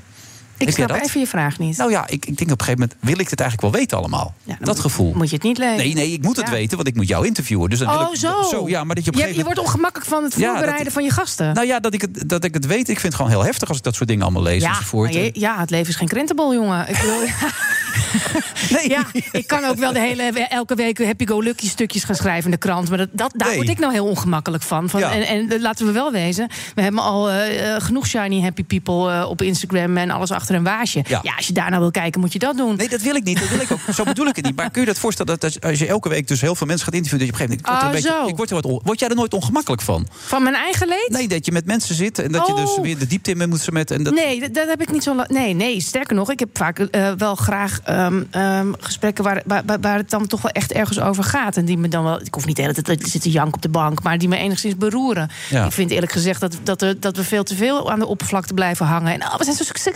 succesvol. En alles gaat heel goed met ons bedrijf. nou, vind ik, daar word ik dus echt ontzettend ongemakkelijk van. En dan denk ik, ik ben- nogal geneigd om dan te vragen: eh, waar, het, eh, waar, waar doet het dan zeer, jongen? Ja. Ja. Oké, dat vind je wel heel belangrijk. Ja. Want over je moeder heb je dat boek geschreven. Ja. En Ja, daar zou ook een toneelstuk van komen. Maar Ja. dat is door corona natuurlijk allemaal even... Maar hoe, hoe ziet dat eruit? Dat, ik bedoel, gaat- dat gaat nog wel een keer komen, neem ik aan, eh, ja, dat gaat, dat gaat wel komen. Maar eh, pff, ja, ik schrijf dus veel voor theater. Nou, dat is ook allemaal eh, nogal lastig momenteel. Dus ehm, ehm, ik weet het nu niet. We, willen het, we gooien het weer in de verkoop. En eh, eh, we hadden er dus een hoop van verkocht. En die hebben we allemaal niet kunnen doen. Nee. Ja, het komt wel weer goed. Maar eerst die prik en een paspoort. Ja, en een glas wijn. en een glas wijn. Ja. Ja, nee, maar de, ja, nee, ik, ik ben zeker nog van plan om daar wat mee te doen. En, en ja, ik, ik begrijp je vraag ook wel. Want ik schrijf best veel ook over geestelijke gezondheidszorg. Dat vindt niet iedereen altijd leuk. Want dat zijn nou eenmaal best. Dat zijn natuurlijk kwetsbare mensen, zijn nare verhalen soms, et cetera. Maar aan de andere kant, we hebben allemaal wel eens een tik in onze kop. En ik vind het juist best belangrijk om het daar wel over te hebben. Ja. Nee, en dan ook. ook. af en toe gewoon een hele slechte grap te maken. Want dat, bedoel, je kunt met een goed humeur ook zware onderwerpen aansnijden, laat ik het zo zeggen. het, is, het is eigenlijk metataal wat ik nu bedoel. Ik zie mezelf dan weer zitten. Ik zie mezelf voorbereiden. Ja. En dan weet ik, dan moet ik vragen. Je hebt verteld dat rouwen misschien wel intiemer is dan liefhebben van elkaar. En Ja. dat vind ik allemaal hartstikke mooie uitspraken. Ja. Maar dat heb je al eerder besproken. En dan denk ik, dan ga ik het weer aan jou vragen. En dan ga je er nog weer een keer met me over praten. Kun je je voorstellen dat je op een gegeven moment in een laag erboven terechtkomt. Dat je denkt van, ik weet misschien al hoe het gaat lopen dan daardoor. Ja, maar ik denk wel dat je. Ik bedoel, ik wil jou geen interviewles geven. Maar ik denk wel dat je, als je je natuurlijke nieuwsgierigheid verliest. dat je dan misschien even op vakantie moet. Dat zou het wel eens kunnen Want dat zijn. is namelijk. Ja, Ja, dat sorry. Dat is dat natuurlijk wel. wel de basis van, het- van Dat ons is het werk. natuurlijk. Je moet even op vakantie. Nou ja. Ja. nee, maar de basis is natuurlijk dat je toch graag nog iets wil weten. wat iemand nog niet heeft verteld. Ja, nee, dat is het normaal gesproken ook. Maar Ja, maar als je dat even kwijt bent, en dat geeft niet. nee, kan gebeuren Ik vind het heel natuurlijk. gezellig dat je bij mij op de sofa komt liggen nu. Maar Ja. nee, maar dat, dat, dat hebben we allemaal eens. Dat we denken van, eh, weer zo'n verhaal. Nee, dat, dat Maar- gevoel had ik helemaal niet bij. Ik Oh, werd er een fijn. beetje ongemakkelijk door, omdat ik het zo heftig vond. Ja, Wat ja, dus, nou ja. Wat ik zeg, leven is geen krentenbol. Ja, het is zeker geen krentenbol, maar dat vindt Sander de Kramer ook niet hoor. Let maar op zo meteen. Nee. Tot zo. Toch? Punt 4.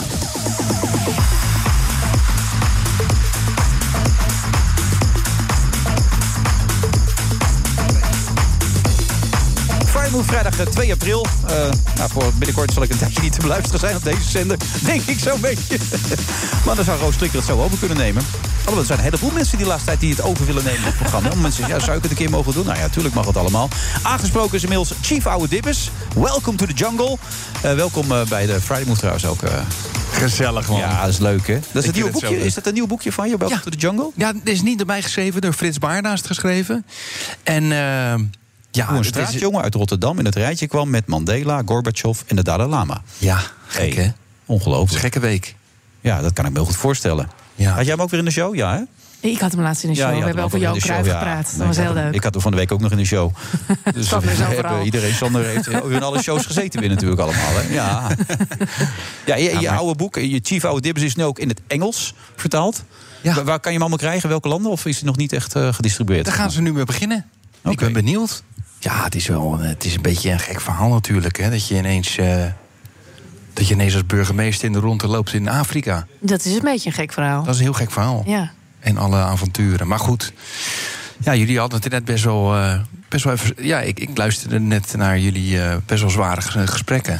en eh, dat, eh, ja, dat, dat, dat doet mij dan ook wel wat. Dus ik snap je wel. Hoe, wat doet je dan? Nou, dat.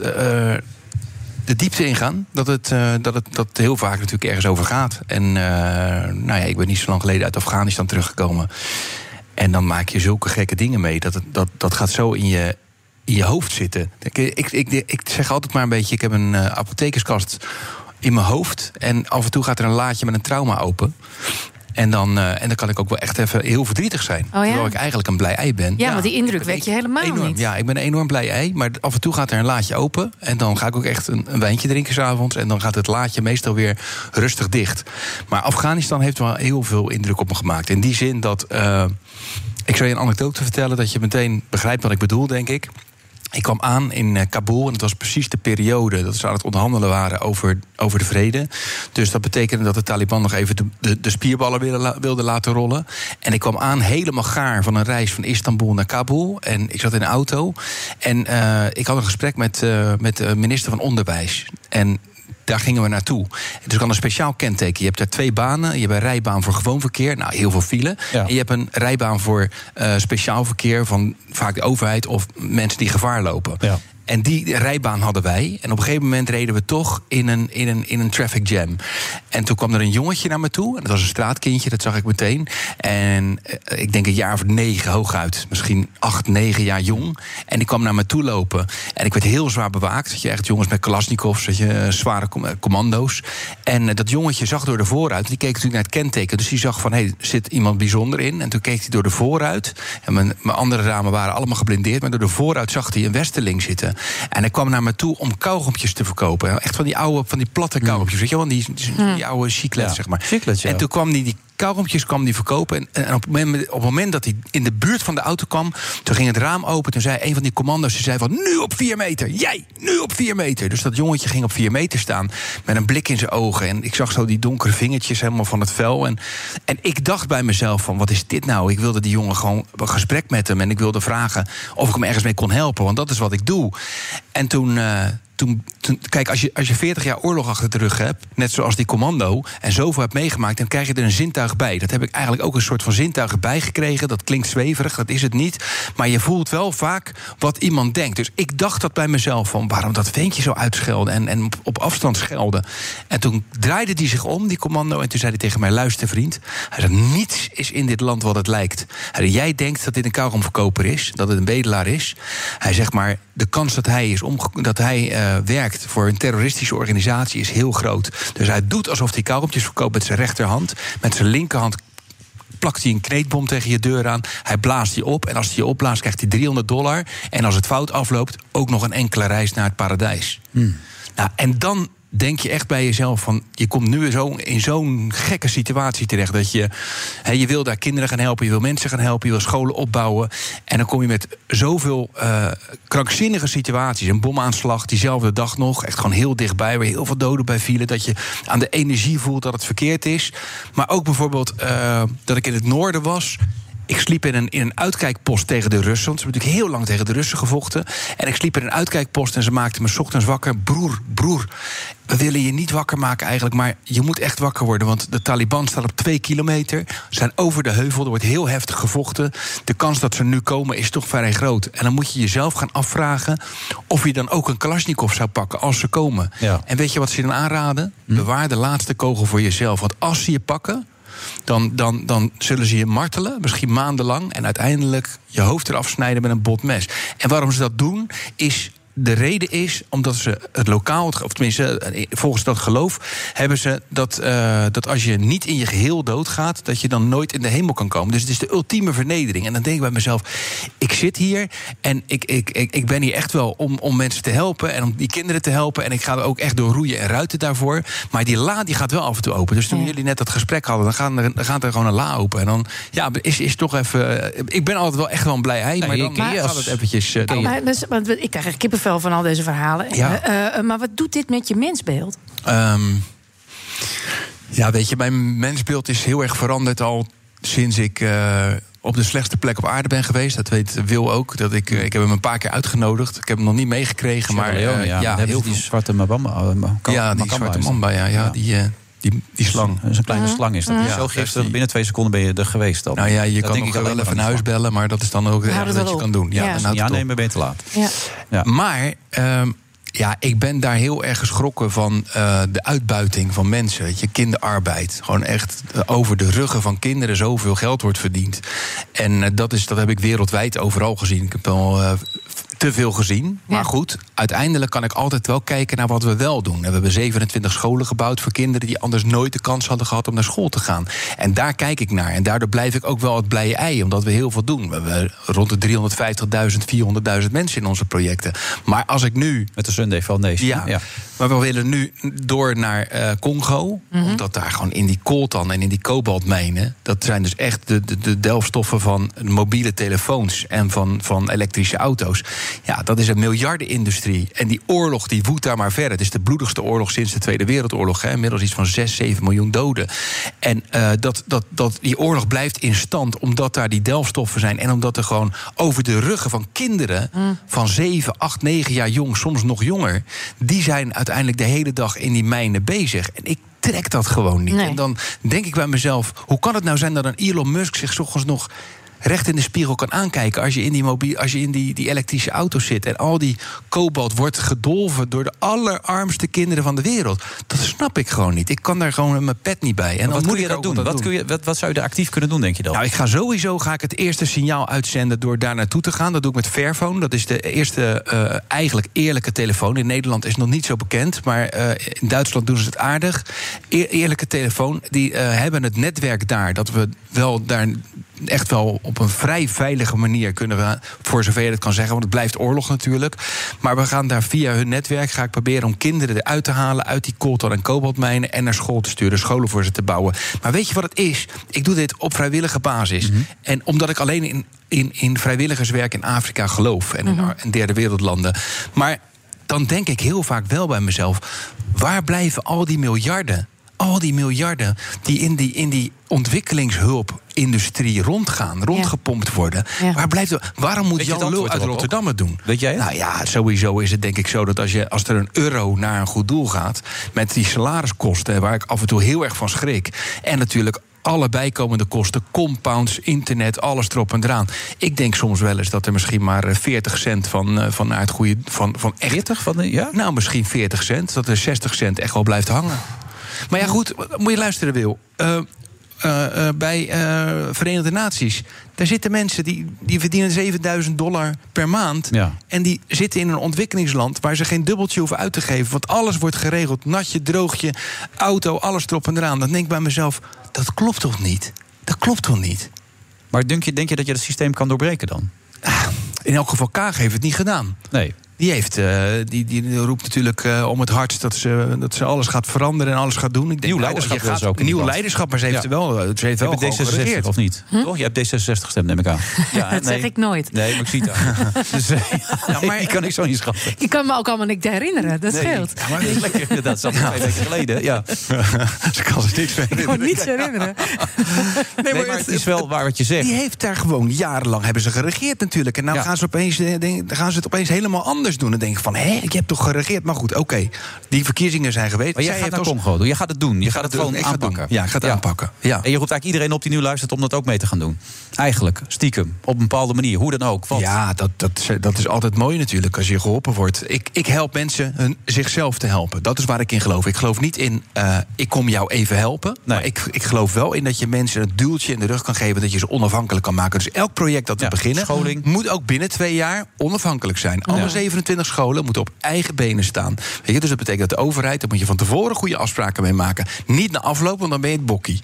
Want dan zeggen ze van... eh, nee, je hebt het toch toen helemaal hartstikke goed gedaan. Je hebt ons nooit er- erbij betrokken, zegt zo'n minister dan. Doe het lekker zelf. Ja. Rijke organisatie, zeggen ze dan. En dat is juist wat je wilt doorbreken. En als je van tevoren met mensen praat, en dat gebeurt vaak niet. Ik merk veel te veel dat organisaties niet van tevoren praten met de chiefs bijvoorbeeld. Weet je, met, met de burgemeesters. Dat ze niet van tevoren zeggen, wat is er nou echt nodig?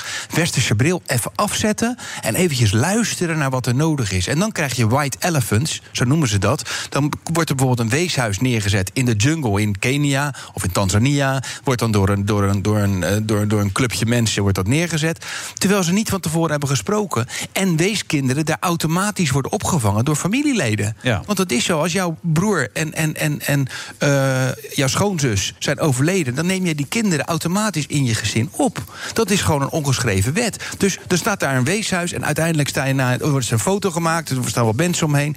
En ga je na een jaar kijken, staat dat hele weeshuis helemaal leeg. En dat zijn nou dingen dat ik denk van... daar gaat toch wel veel fout, hoor. Als je zo al eh, de 135 Maar er, er gaan ook heleboel dingen goed. Want je komt voor die Four Freedoms Award. En we weten nu tenminste waarom je hem gekregen dat, dat is nu wel duidelijker, Sander. Zeg, hey. Goedemorgen, dokter. Hey. Ja, ik, ik kwam er even in zo. Maar het kwam echt, ja, jullie deden de voorzet. Dus Jullie eh, hadden dat best wel even serieus gesprek. En dan gaan er bij mij laadjes open. En dan schuif ik aan en dan vertel ik het jullie. Hoe heb je deze week beleefd? Ja, dat was bizar. Ja. Ja, dat was echt bizar. Ja, je, je, je komt in die kerk. Het was natuurlijk ook wel heel dubbel. Hè? Want aan de ene kant...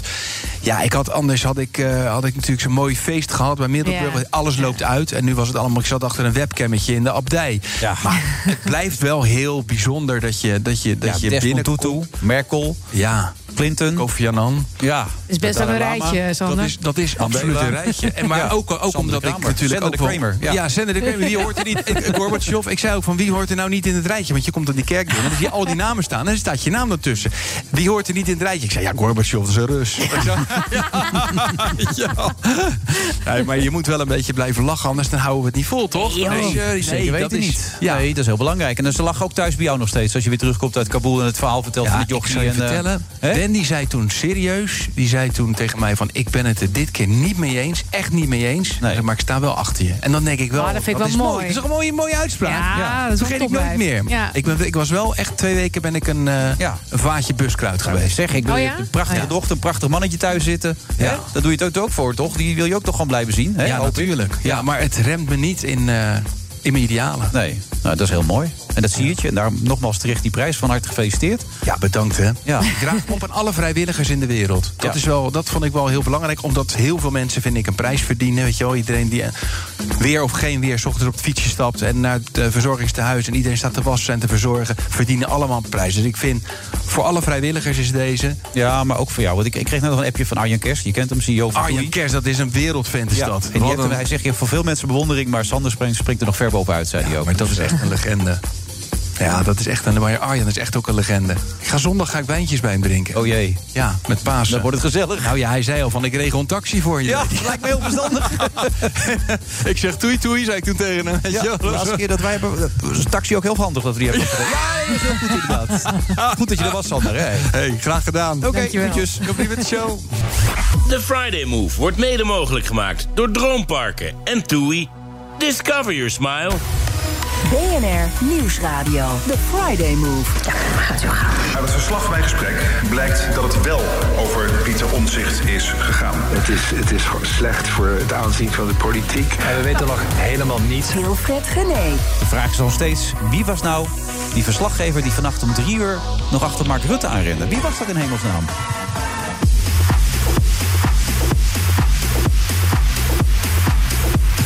En die vraag gaat uh, Roos Slikkers op meteen beantwoorden. Ja hoor, Ja, toch? zeker. Zeker weten.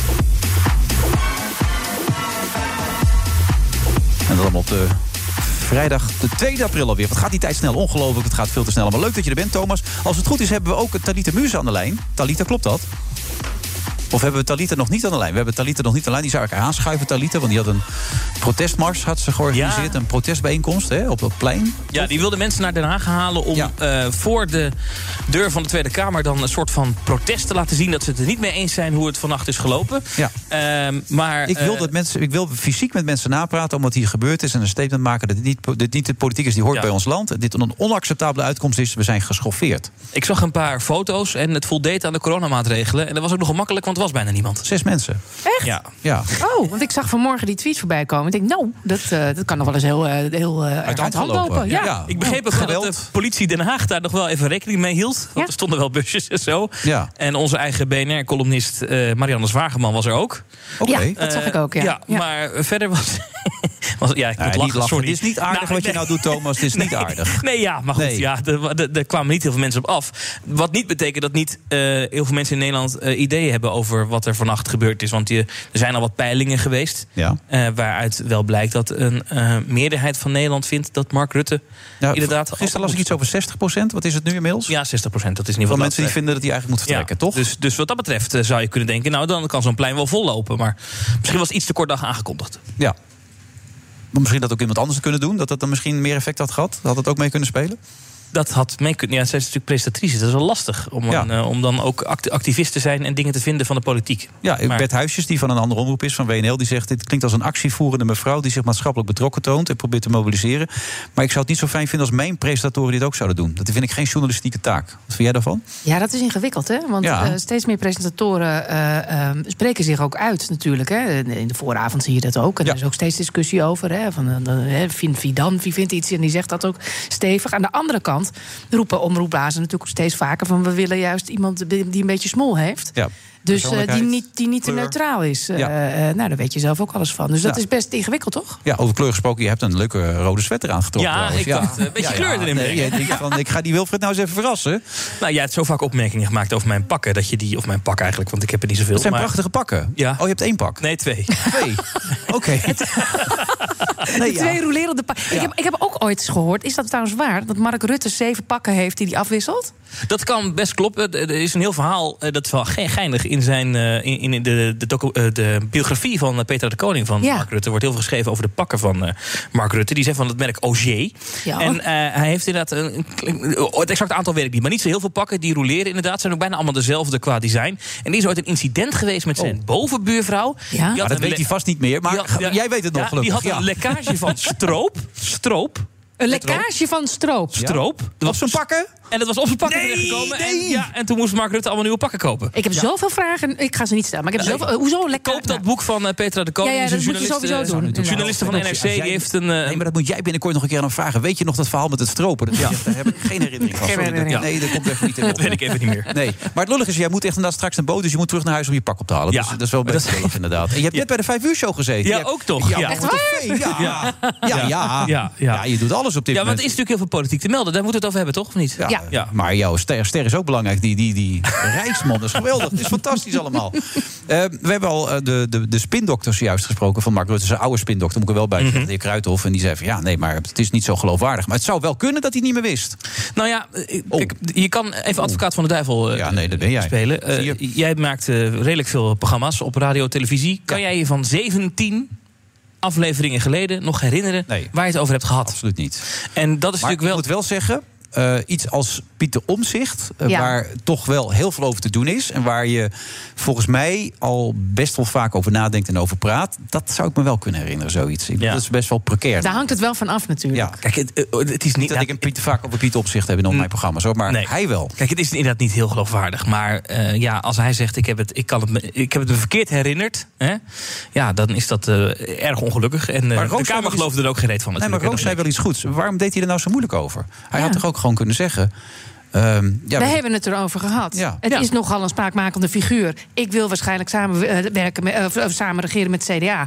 Dus valt die naam. Is toch niet zo raar? Nee, ja. Kijk, wat hier gebeurd is, is op donderdagochtend... dan is dat moment dat die foto gemaakt wordt van dat document... eh, waar omstaat, Ja. omstaat uh, Ja. omzicht Ja, zij functie wist ook elders. niet meer wie al en hoe en wat. Hè. Trouwens, Along, het is gewoon besmettelijk, zeg. Dat met dat... Ja, dat, dat, Ja, dat, wist helemaal niet dat het besmettelijk Ja, er gaat al zo'n zo'n plaatje rond Ja. met dat het over de mondkapjes komt. Dat je Ja. daar een geheugenverlies van krijgt. Maar, Ja. maar dus 's ochtends wordt die foto gemaakt. Nou, dat komt dan middags in het nieuws.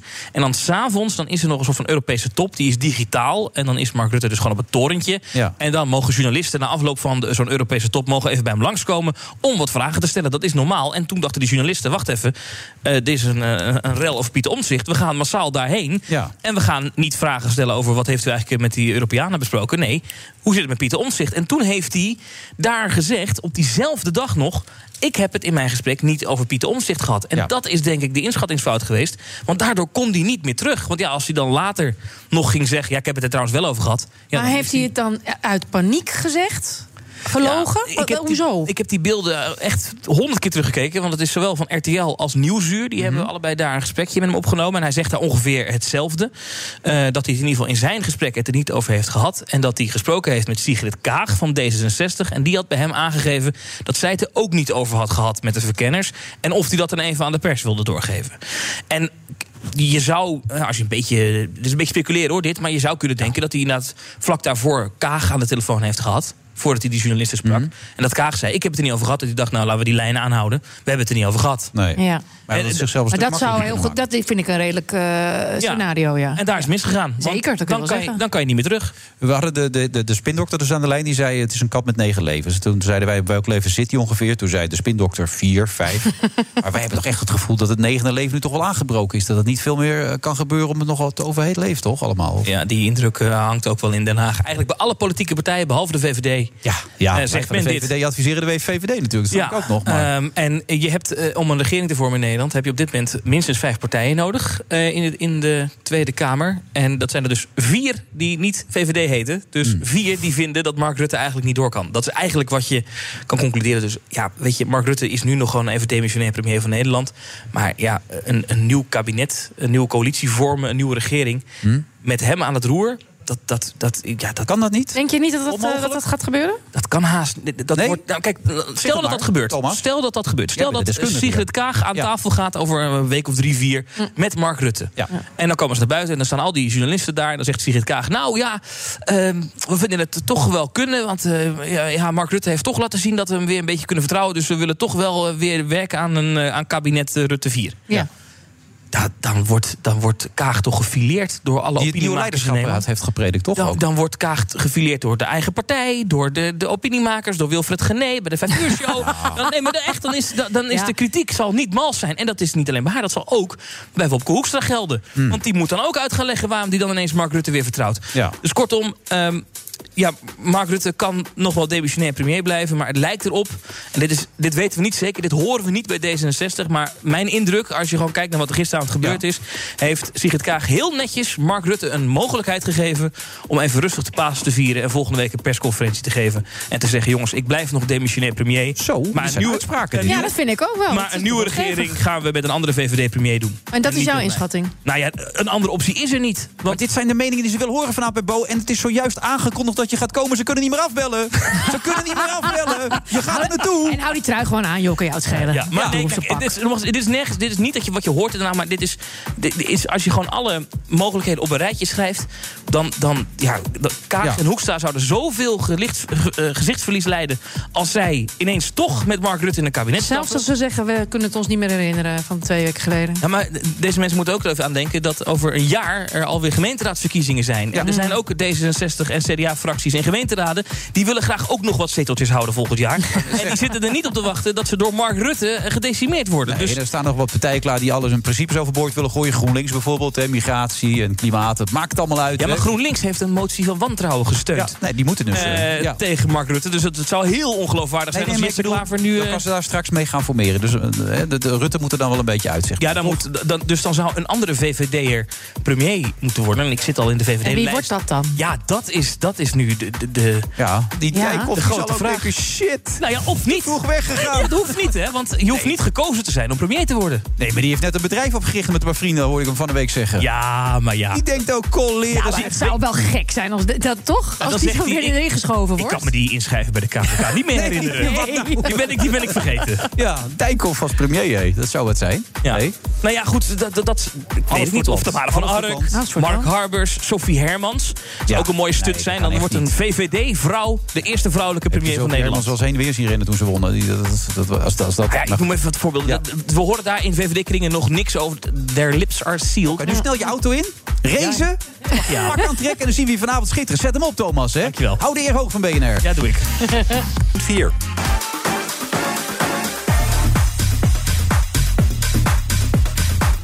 Move, vrijdag 2 april. Ehm, we zitten in Dauphine en eh, hij race nu als hij is ook snel. Heb je dat filmpje gezien van eh, Thomas van Groningen achter Rutte aan? Nee, dat heb ik niet Nou, dan gezien. moet je zo even kijken. Die Thomas die is snel, jongen. Dat zie je, dat zie je niet helemaal. Die, die Rutte die denkt, wat heb ik nou toch achter me aanlopen, zeg. Ongelooflijk. Hans Nijland, goedemiddag. Goedemiddag. Je hebt altijd mee zitten luisteren. Wat vond je er tot nu toe van? Ik vond het eh, indrukwekkend. Indrukwekkend. Moet ik, je, moet ik je zeggen. Ja, ik heb eh, eh, prachtige verhalen gehoord, trieste verhalen gehoord. En eh, ja, Het schiet alle kanten op in dit programma, hè? Absoluut. En nu, nu komt het absolute hoogtepunt natuurlijk. Met Nou, veel dat- diepgang. dat Jawel. zou ik niet willen zeggen. Jawel, want je hebt een boek. Dat is vandaag officieel uitgekomen. Maar ik heb je al de nodige dingen zien doen. Ik zag je in je eigen tuin staan, eh, staan handtekeningen uitdelen. en Ja, zo. het is natuurlijk een, een hele rare tijd. Er is net ook al het nodig over gezegd. En eh, ja, een boekpresentatie eh, was eigenlijk niet, niet mogelijk. Dus heeft mijn vrouw Marieke, je kent haar, die heeft bedacht om eh, een drive-in te organiseren. Ja. Dus drie keer gedaan. Dus dat betekent dat de mensen bij mij thuis geweest zijn. Rotonde rond. eh, Een boek overhandigen, een handtekening, een filmpje en, eh, en, eh, en dat soort dingen. En dat was hartstikke leuk. Ja, Ja, dat zag heel heel leuk. uit. Ja. Ja, voor de duidelijkheid, eh, Roos, eh, misschien hoor je het niet aan zijn accent... maar Hans is ooit directeur geweest van FC Groningen. Ja. Maar- ik weet wie Hans is. Maar Hans is geboren in Amsterdam, kan ik je zeggen. Echt waar? Echt Ja? waar. Echt waar. Hè? Ja. Maar, Dat wist ik niet. ja. Oh, maar dat hoor je echt niet meer. Nee, nee. Nee, daar heb je alles aan gedaan. Wat kwijtraken, Hans. Ben je echt goed kwijt dan? Ja, zeker. Hoe lang heb je daar gewoond, toch? Nee, maar een halfjaartje. Oh, een ja, nee. ja. En daarna ging je praten. En En daarna beetje ook. ja, gingen we weer terug naar, naar Groningen. Maar nou, dus ja. Maar waarom een boek, Hans? Waarom? Ja, ik moest je je zeggen... overhalen? Of eh, Nou, twijfelde je? aanvank- aanvankelijk was dat niet de bedoeling. Ik ben ongeveer twee jaar geleden ben ik gestopt. En eh, ook wel gevraagd om een, eh, een, een boek te gaan schrijven. En, maar ik heb bedacht, ik moet eerst eventjes eh, terug uit het wereldje. Even wat andere dingen gaan doen. En op een goed moment heb ik ja, een aantal gesprekken met Tom Knipping eh, gehad. De schrijver van het, eh, van het boek. Die een groot compliment verdient eh, overigens. Ja, en dan, dan komen de verhalen naar boven. En ja, toen heb ik uiteindelijk gedacht... ja, ja waarom gaan we niet vastleggen hè, door, door dit, dit, dit boek. En al dus geschieden. Ja, ook een beetje ijdelheid schrijf je in een van die hoofdstukken. Hè? Daar Ja. Wij hebben alle bestuurders last van Daar hebben alle bestuurders last van. Ja, absoluut. ook trouwens hoor. Anders ga je Ja. in die voetbalwereld. Columnisten ook, neem ik aan. Tuurlijk, ja. Ja, zo werkt het wel. Je bent ook redelijk uitgesproken. Ik zeg ook de, de, de baantjes Sprinkhaan. Hoe noemde je Ma- Matthijs Manders nou? Nou ja, je had eh, eh, vroeger, of vroeger eh, had je eh, zeg maar Jan Smit en, en, en Hans Verdelft en Riemen van der Velde. En, en dat geldt ook voor mijn persoontje.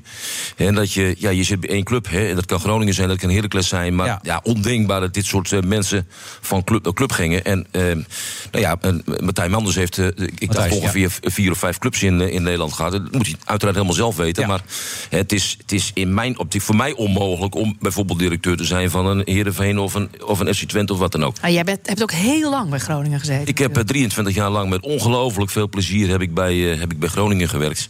Ja, en, eh, en machtig veel, eh, veel, eh, veel meegemaakt. Alleen op een goed moment dan is het wel klaar. En ik was geloof ik 58, toen heb ik aangekondigd te, te, te stoppen. Hè, om ook andere dingen te gaan, te gaan doen.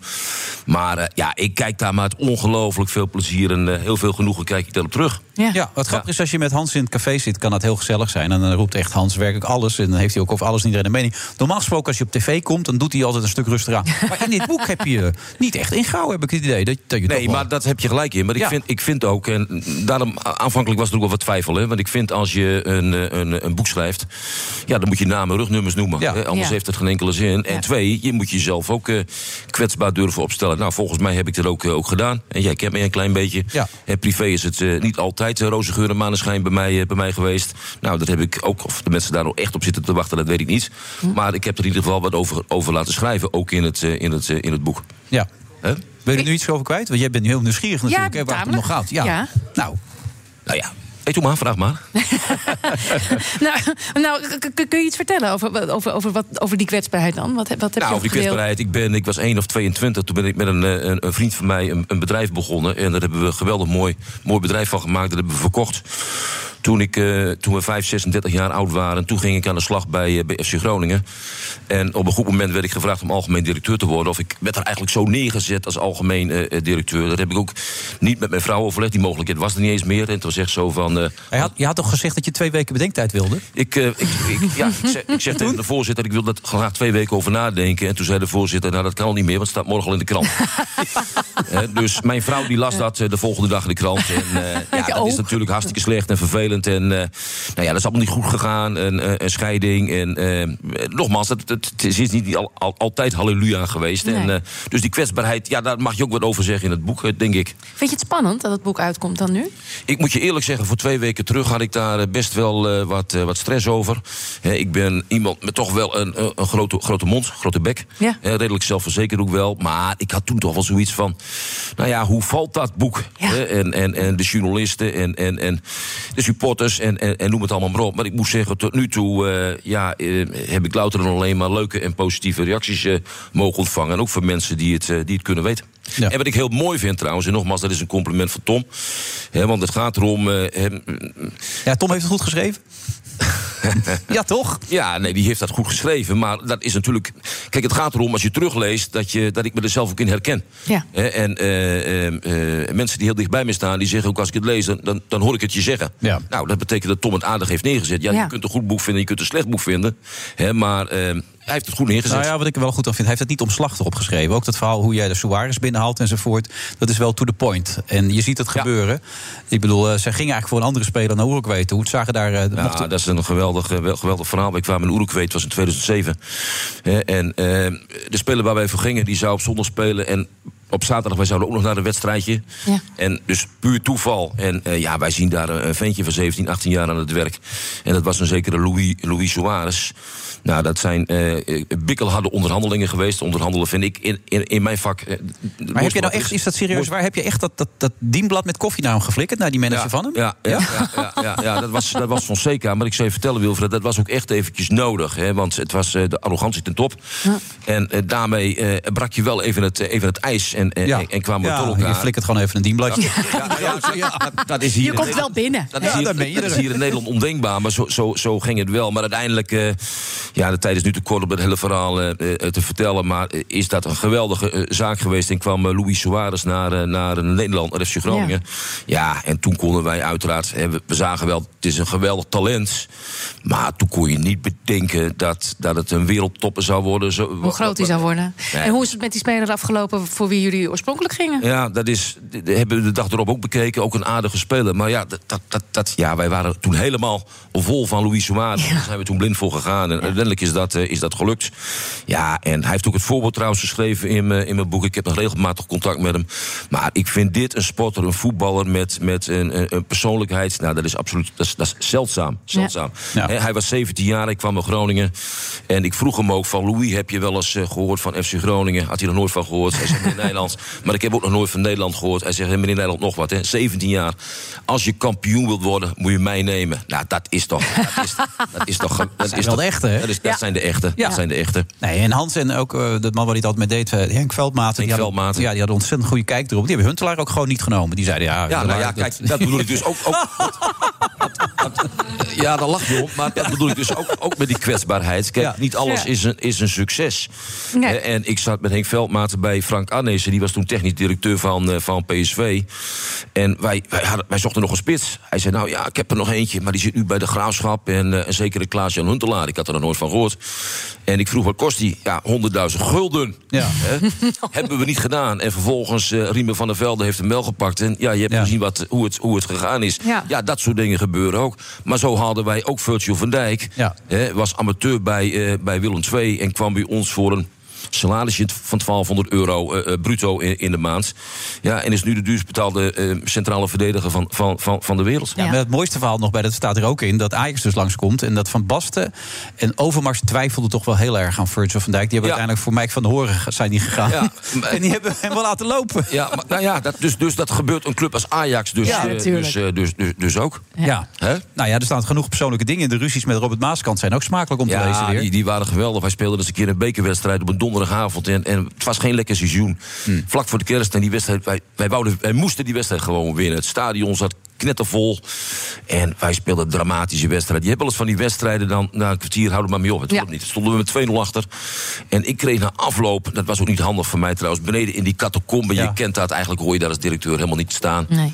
En, eh, stond er altijd, ik, hoor, ik, ik, ja. kreeg, ik kreeg ik, ik knetterende ruzie met Robert Maaskant. En hij begon met stoelen te smijten en weet ik veel wat allemaal meer.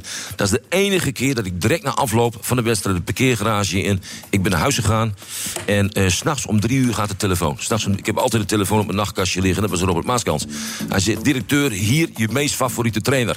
ik ben naar beneden gegaan, ik heb een glas wijn. En ja, dan ouwe je vijf minuten met hem. En dan is het ook weer helemaal klaar. Ja, dat is de man eh, Robert Maaskant. Ja. En over Maask, ja, kost iets precies hetzelfde. Ja, nee, zo, hij, hij eh, de dure aankopen, die zet hij gewoon het hele jaar op de bank. Hele jaar op de bank. Ja, en, En alles werd gek. En, dan, en, en vervolgens verkochten we hem voor 6 miljoen euro. Ja. En ik kon het niet laten om toen toch Robert Maaskant even te bellen. Ik zeg, trainer, hij kon er niets van en die kost iets. Verkocht voor 6 miljoen. Hij zegt, maar directeur, dat is allemaal mijn werk. Ja. Getek- getekend Robert Maaskant. Ja, nee, er staan smakelijke verhalen in. Ook, eh, ik wist helemaal niet dat de vader van Ron Jansen Dolle Dries heette eigenlijk. Dat, eh, dat jij hem ook wel eens Dolle, Do- Dolle Nou, maar, ja, maar, maar, maar dat is Ron af en toe ook. En tussen Ron en mij, eh, men, men dacht dat wij eh, geweldige vrienden van elkaar waren. Nou, Hmm. dat, wij konden heel goed met elkaar. Maar dat heeft ook met grote regelmaat tussen ons geknetterd, kan ik je, kan ik je zeggen. Ja, maar het is toch wel heel dat altijd, En dat was altijd de schuld van Ron Jansen en niet van Hans Nee, Nijland. dat lijkt mij toch ook. Jou een beetje kennen dans. hè? Zo, zo zijn wij ook altijd samen, toch? Of niet? Of niet dan? Het ligt altijd aan, aan de ander natuurlijk. Eh, ons gesprek van vorige week zaterdag. Ja, dat was een heel leuk gesprek was dat inderdaad, ja. Kort, hè? Vrij kort was Het het. was heel kort inderdaad, ja. Ja. Je zei zo weinig, viel me op. Ja, ja. Maar we zitten hier weer, Hans. Ja, we zitten hier gewoon weer. Hartstikke En- goed en allemaal. vanavond, en vanavond weer. hè? Ja, vanavond weer. Ja. Zitten we ook nog op tv samen Ach, weer. jongens, Het is jongen, jongen, dat- dat- jongen. dat-. Het is niet te geloven allemaal. Maar het is een zeer smakelijk boek geworden, moet ik zeggen. Dankjewel, Er Er staan leuke anekdotes in. En ik denk voor de liefhebbers zeker ook eh, dat het absoluut de moeite waard is om hem even te lezen. Zeker. Ik zag zag trouwens ook nog dat je directeur bij Ajax Cape Town en bij NAC kon worden. Maar dat heb je dus niet gedaan. Nee, dat was wel een dingetje. Het, eh, vlak nadat ik gestopt was bij Groningen... werd ik door Mark Overmars gevraagd om een jaar interim eh, naar eh AS Cape Town Nou. te gaan. In, ja, dat leek mij geweldig. Ja. En, mijn- vrouw ook. Maar we hadden, ze is nu eh, 16, toen was ze 14, Daantje. En eh, dus ik vertelde Daantje, we gaan verhuizen. Ja, pap, ik wil niet naar Breda. Hè, NAC, ik wil niet naar Breda. Ik zei, nee, we gaan niet naar Breda. We gaan naar Kaapstad. Ja. Ja, dat arme kind dat vloog de gordijnen in, vriendjes, vriendinnetjes. En toen dacht ik, ja, het is altijd eigenlijk gegaan in Huizen Nijland... om de carrière van Hans Nijland en om FC Groningen. Ik moet gewoon nu eventjes naar mijn, eh, naar mijn dochter eh, luisteren. Ah. Dus het werd geen, AS, lief. geen Ja. AS Cape Town. En in plaats daarvan ben ik nu voorzitter van de voetbalvereniging HSC, jawel, in Hoge Zand Sappemeer. Hier, en wat wil je nog En meer, dat is ook hartstikke leuk. Ja. Toch? Dat is ook hartstikke leuk. Ja, En je ziet je dochter elke dag. Hartstikke leuk, zo man. is het zeker. Hans, tot vanavond. Ja, dankjewel. Ja, tot zo. Ik heb er zin in. BNR Nieuwsradio. The Friday Move. Ik lieg niet. Ik lieg daar niet over. Niet gelogen. Gelogen. ik heb niet gelogen. Dat is, ik sta hier niet te liegen. De waarheid. Ik spreek hier geen leugens, voorzitter. Wilfred Genee. Ja, ja, Komman die zit hier gewoon. Die heeft, gaat twee programma's doen. Twee programma's. Dat kan toch? Dat is toch veel te veel, man, voor een presentator? Dat kan toch niet?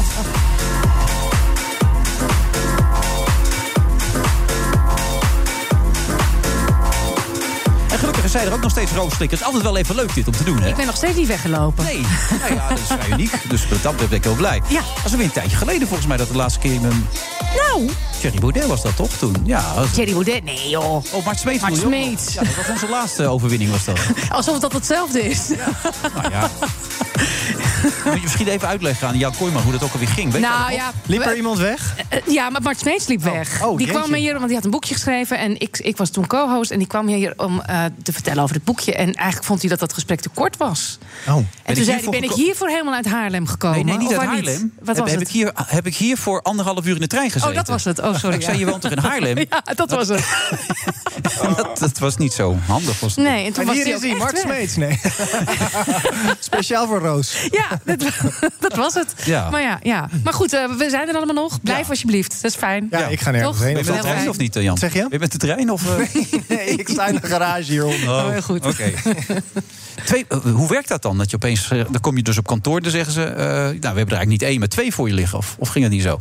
Op welk kantoor is dat? Nee, ehm, nee, wordt het niet bij... eh, Nee, ik, heb, ik ben gewoon benaderd of ik eh, eh, deze twee programma's wilde gaan maken. Of nee, eigenlijk is dat niet helemaal waar. Ehm, eh, dat, li- dat liep gewoon een beetje toevallig, eh, Wilfred. Want eh, zoals je, ja, jij hebt dat helemaal niet. Want jij bent gewoon elke dag op tv en op de radio. Maar voor sommige mensen werkt het zo dat je soms gewoon een periode even wat minder doet. En Echt dan ineens weer even staat wat dat? meer. Ja, Hoe ja. is dat? Ja, ja, best wel oké. Heerlijk. Best wel oké. Ja, ik denk dat voor veel mensen ook een verademing zou zijn. Een soort vakantie is ja, dat. nee, het heeft natuurlijk ook mee te maken waar je ja en nee tegen zegt. Maar, en jij zegt overal ja tegen, denk ik. Nee, ik plaat je. Terwijl ik Gené heet. Dus dat is Ja, helemaal precies, natuurlijk. ja. Dat is echt heel vreemd. Ja. Nee, het is gewoon zo gegaan. Kijk, eh, Levenslang met dwang maak ik voor de KRO NCRV voor dinsdag, eh, voor NPO 3. En dat is eigenlijk zo gegaan. Dat is een programma wat vroeger bestond op RTL. Dat maakte ik daar. Zeven, zes, zeven jaar geleden heb ik twee Ja. seizoenen gemaakt. En dat programma vond ik heel leuk om te maken. En dat maakte ik met een heel leuk team bij Blue Circle. En in die eerste lockdown ehm, gebeurde er natuurlijk ontzettend veel. En er gebeurde vooral ook heel veel niet. Eh niet kon meer, mensen konden nergens meer heen. En ik las best wel veel over mensen, hè, over dwang en Ja. angst. En ook de klap die dat die mensen gaf. En toen zat ik eigenlijk te denken van... goh, jeetje, misschien is het best wel weer eens eh, goed... om dat programma dan terug te brengen. Ja. Ehm, en toen heb ik eigenlijk eh, Suzanne Kunstler van NPO 3 benaderd... om daar eens met haar over te praten. Ja. Ehm, en zij vond dat een heel goed idee, want ze vond het een mooi programma. En dat is toen heel snel gegaan eigenlijk. En Dat is vrij ongebruikelijk voor de publieke omroep, maar ja. Nee. dat het snel ging een keer. Ja, dat het snel ging Nou, en dan ja. zal ik je nog iets ongebruikelijkers vertellen. Want Dans met mij voor NPO 2 op zondagmiddag... eh, ik geloof voor of na Podium Witteman, om, om tien over half zes in ieder geval... Ja. dat is ontstaan omdat ik ehm, benaderd werd door de NTR. Ik heb e- een special gemaakt in oktober van, met dezelfde titel... samen met Igoné de Jong eh, en eindredacteur van Podium Witteman, Joost van Krieken. En dat was een hele leuke uitzending samen met de Nederlandse Dansdagen. En de overheid heeft eigenlijk gezegd van omdat er cultureel bijna niets meer kan, Nee. er is bijna niets meer mogelijk. Alle theaters zijn dicht, makers kunnen niets, er is geen geld voor niemand. Die hebben gezegd het is een taak van de NPO om te kijken of we meer met cultuur kunnen. Dus bijvoorbeeld Claudia Brijf, Claudia Brijf nu een programmaatje op vrijdagavond. Dat valt onder dat initiatief vanuit de overheid waar eigenlijk geld is vrijgemaakt om te investeren in cultuur.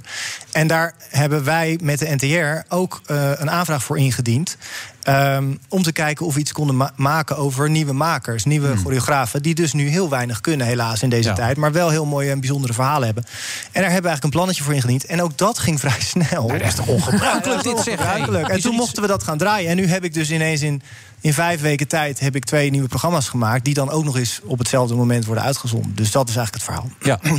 En welke springt er voor jou bovenuit? Of heb je dat niet het gevoel? Van deze twee, Ja? nou ja, dat heb ik net gezegd. Dat ik het allebei heel erg leuk vond dat ik ze mocht maken. En ik ben daar zelf ook redelijk actief in geweest om te kijken of dat kon. Dus ik heb voor allebei draag ik een heel warm hart toe. Ja. Ik heb een dans met mij, eh, daar was ik ook een link toegestuurd. Ik heb niet gekeken, maar ik heb dat andere wel dat kijken. doe je die niet. Nou ja, ik, heb, ik had het vrij druk. Nee, ik- Oh, je zat weer aan allerlei heel veel programma's. Het is wel mooi dat je het gewoon zegt in je eigen uitzending. Nou, Nou ja, ik heb dat ik heb gekregen, maar ik heb eigenlijk Koen keer les. Ik heb, niet gekeken. Nee, nee, maar ik, ik heb levenslang met dwang wel zitten kijken. maar ik zat ondertussen ook het boek van Hans Nijland te lezen. En ik zat ook nog, ja, ik zat zes boeken te bekijken En ondertussen. ondertussen append, ruzie met Johan Derksen. Ja. Oh, je hebt zo'n druk leven, man. Zat Jezus. mee te luisteren, of niet? Ja, ik, het is- ik, heb een soort, ik heb een soort bot in jouw telefoon... waardoor ik al jouw appgroepen kan lezen. Nee, Oké. maak je geen zorgen. Ben jij ook benieuwd? Nu, nu je deze programma's hoort. eh, Ja, zeker. Want het verhaal van die choreografen moet je aanspreken natuurlijk... in een tijd waarin cultuur bijna Ja. niks kan. Nee, absoluut. En dat, bedoel, dat herken ik ook inderdaad, dat er niks kan. Eh, en de- natuurlijk, het theater is dicht. En, en wat, wat je merkt, ik, weet, ik, ben wel benieuwd of jij dat ook hebt gemerkt... met het maken nu van dat programma.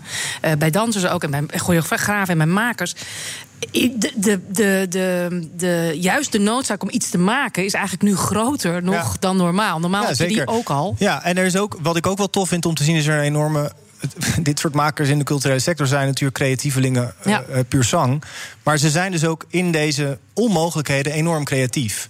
En ik vind het eigenlijk, dat wou ik ook nog vertellen over dit programma, want je hebt er niks over gelezen, dus ik ga het gewoon allemaal zelf vertellen. Ik heb het wel gelezen, heb Ja, oké, nee. En je bent op dreef. Jan. Je Dan bent moet op dreef. Nee, nee, dan moet je zondag lekker kijken, want het is een aanrader, vind ik. Maar Ja. ik heb het ook gemaakt, dus het zou ook raar zijn dat ik het niet zo goed Ja, zou Maar echt gek zijn. wat ik heel tof vind, is doordat we dat budget hebben vanuit de overheid om dus te investeren in cultuur, dan moet je niet denken, oh, dat hebben ze allemaal uitgegeven om het programma te maken. Wij betalen de makers om eigenlijk, we hebben twee makers per aflevering en zij maken choreografie speciaal voor de uitzending en zij worden betaald best wel goed en ook de dansers. En dat vind ik heel belangrijk, want zelfs zonder corona is het eigenlijk in deze wereld zo dat als Ja. je ergens iets ziet wat leuk is met muziek of schrijvers of whatever en dansers, dan worden de dansers meestal niet betaald. Kan ik je vertellen.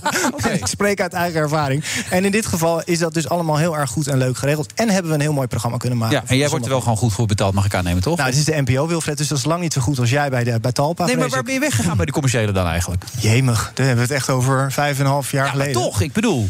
Omdat ik daar niet de programma's kon maken die ik wilde maken. Nee. En dit bevredigt veel meer om zo, zo dergelijke programma's te maken. Nou, het bevredigt om te doen wat je leuk vindt. En Ja. dat is denk ik wat ik doe. En ik vraag me soms wel eens bij jou af of dat nog steeds bij jou het geval is. En daar hebben we het eerder ook wel eens over gehad. we weer naar mij toe, hè? Zo. Ja, zeker. Nee, maar, Ik hoef hier niets meer te doen, jongens. Die, die zei dat ik op vakantie moest gaan. Dat zei Roos net al tegen mij. En nu begin jij ook nog of ik je had leuk last vind. van inhoudelijke Nee, maar vermoeidheid. het was een zijspoor. We zullen er snel van afgaan. Nee, ik vind het fijn dat ik... eh, ik ben inmiddels ook niet nergens exclusief aan verbonden. Aan geen omroep. Dus ik ben gewoon werkzaam goed wat bij je de doet. NPO. Nou, ik voel me wel redelijk autonoom. En dat is fijn. Ik kan mijn eigen keuzes maken en beslissingen nemen. Maar is, is eh, levenslang met dwang is dus van de commerciële verhuis naar de publieke? Ja. Ehm, is, voor- is daarin nog iets veranderd? Ja, zeker. Wat dan? Ehm, eh, ik denk dat het allemaal wat minder snel is dan het was. Het was een beetje zo. Het was een RTL 5-programma. Ja. Het was zelfs. Het was eigenlijk binnen het RTL 5-spectrum. Best, best een mooi programma. Snap Mhm. je? Dus het was integer. We hadden de juiste therapeuten mee. We hebben daar mensen op een fijne manier mee kunnen helpen. Dus het was eigenlijk een, een on-RTL 5-achtig programma voor RTL 5. Maar het scoorde heel erg goed toen. Ja. Ehm, maar de televisie die voor RTL 5 gemaakt is, is, is wezenlijk anders dan hoe die voor NPO 3 gemaakt is. Daar is gewoon meer tijd voor meer rust. Het hoeft iets minder heigerig, iets minder TLC-achtig. Er zat een enorme betrokkenheid in. Je vraagt ook meerdere keren van, vind je het spannend? Hoe vind je het? Enzovoort. Toen dacht ik, hey, wat grappig dat je dat zo, zo open je dan ook, weet je wel. Dus dat, je voelde dat het tijd was. Dat zo kwam het echt op me over. Ja, nee, dat was het denk ik ook. Ik heb, er- ik heb er ook heel erg veel eh, eh, zin in gehad om het te gaan maken. Ik, ik, het team was zo goed als hetzelfde als waar we het toen mee maakten. Dat zijn mensen die, die mag ik heel graag. Dat is voor mij heel belangrijk dat ik in een plek functioneer waar, waar ik het gevoel heb dat we elkaar allemaal waarderen. Dat Ja. klinkt misschien heel zijig of weeg, maar dat is nu helemaal zo voor mij. En dat was heel fijn hierbij.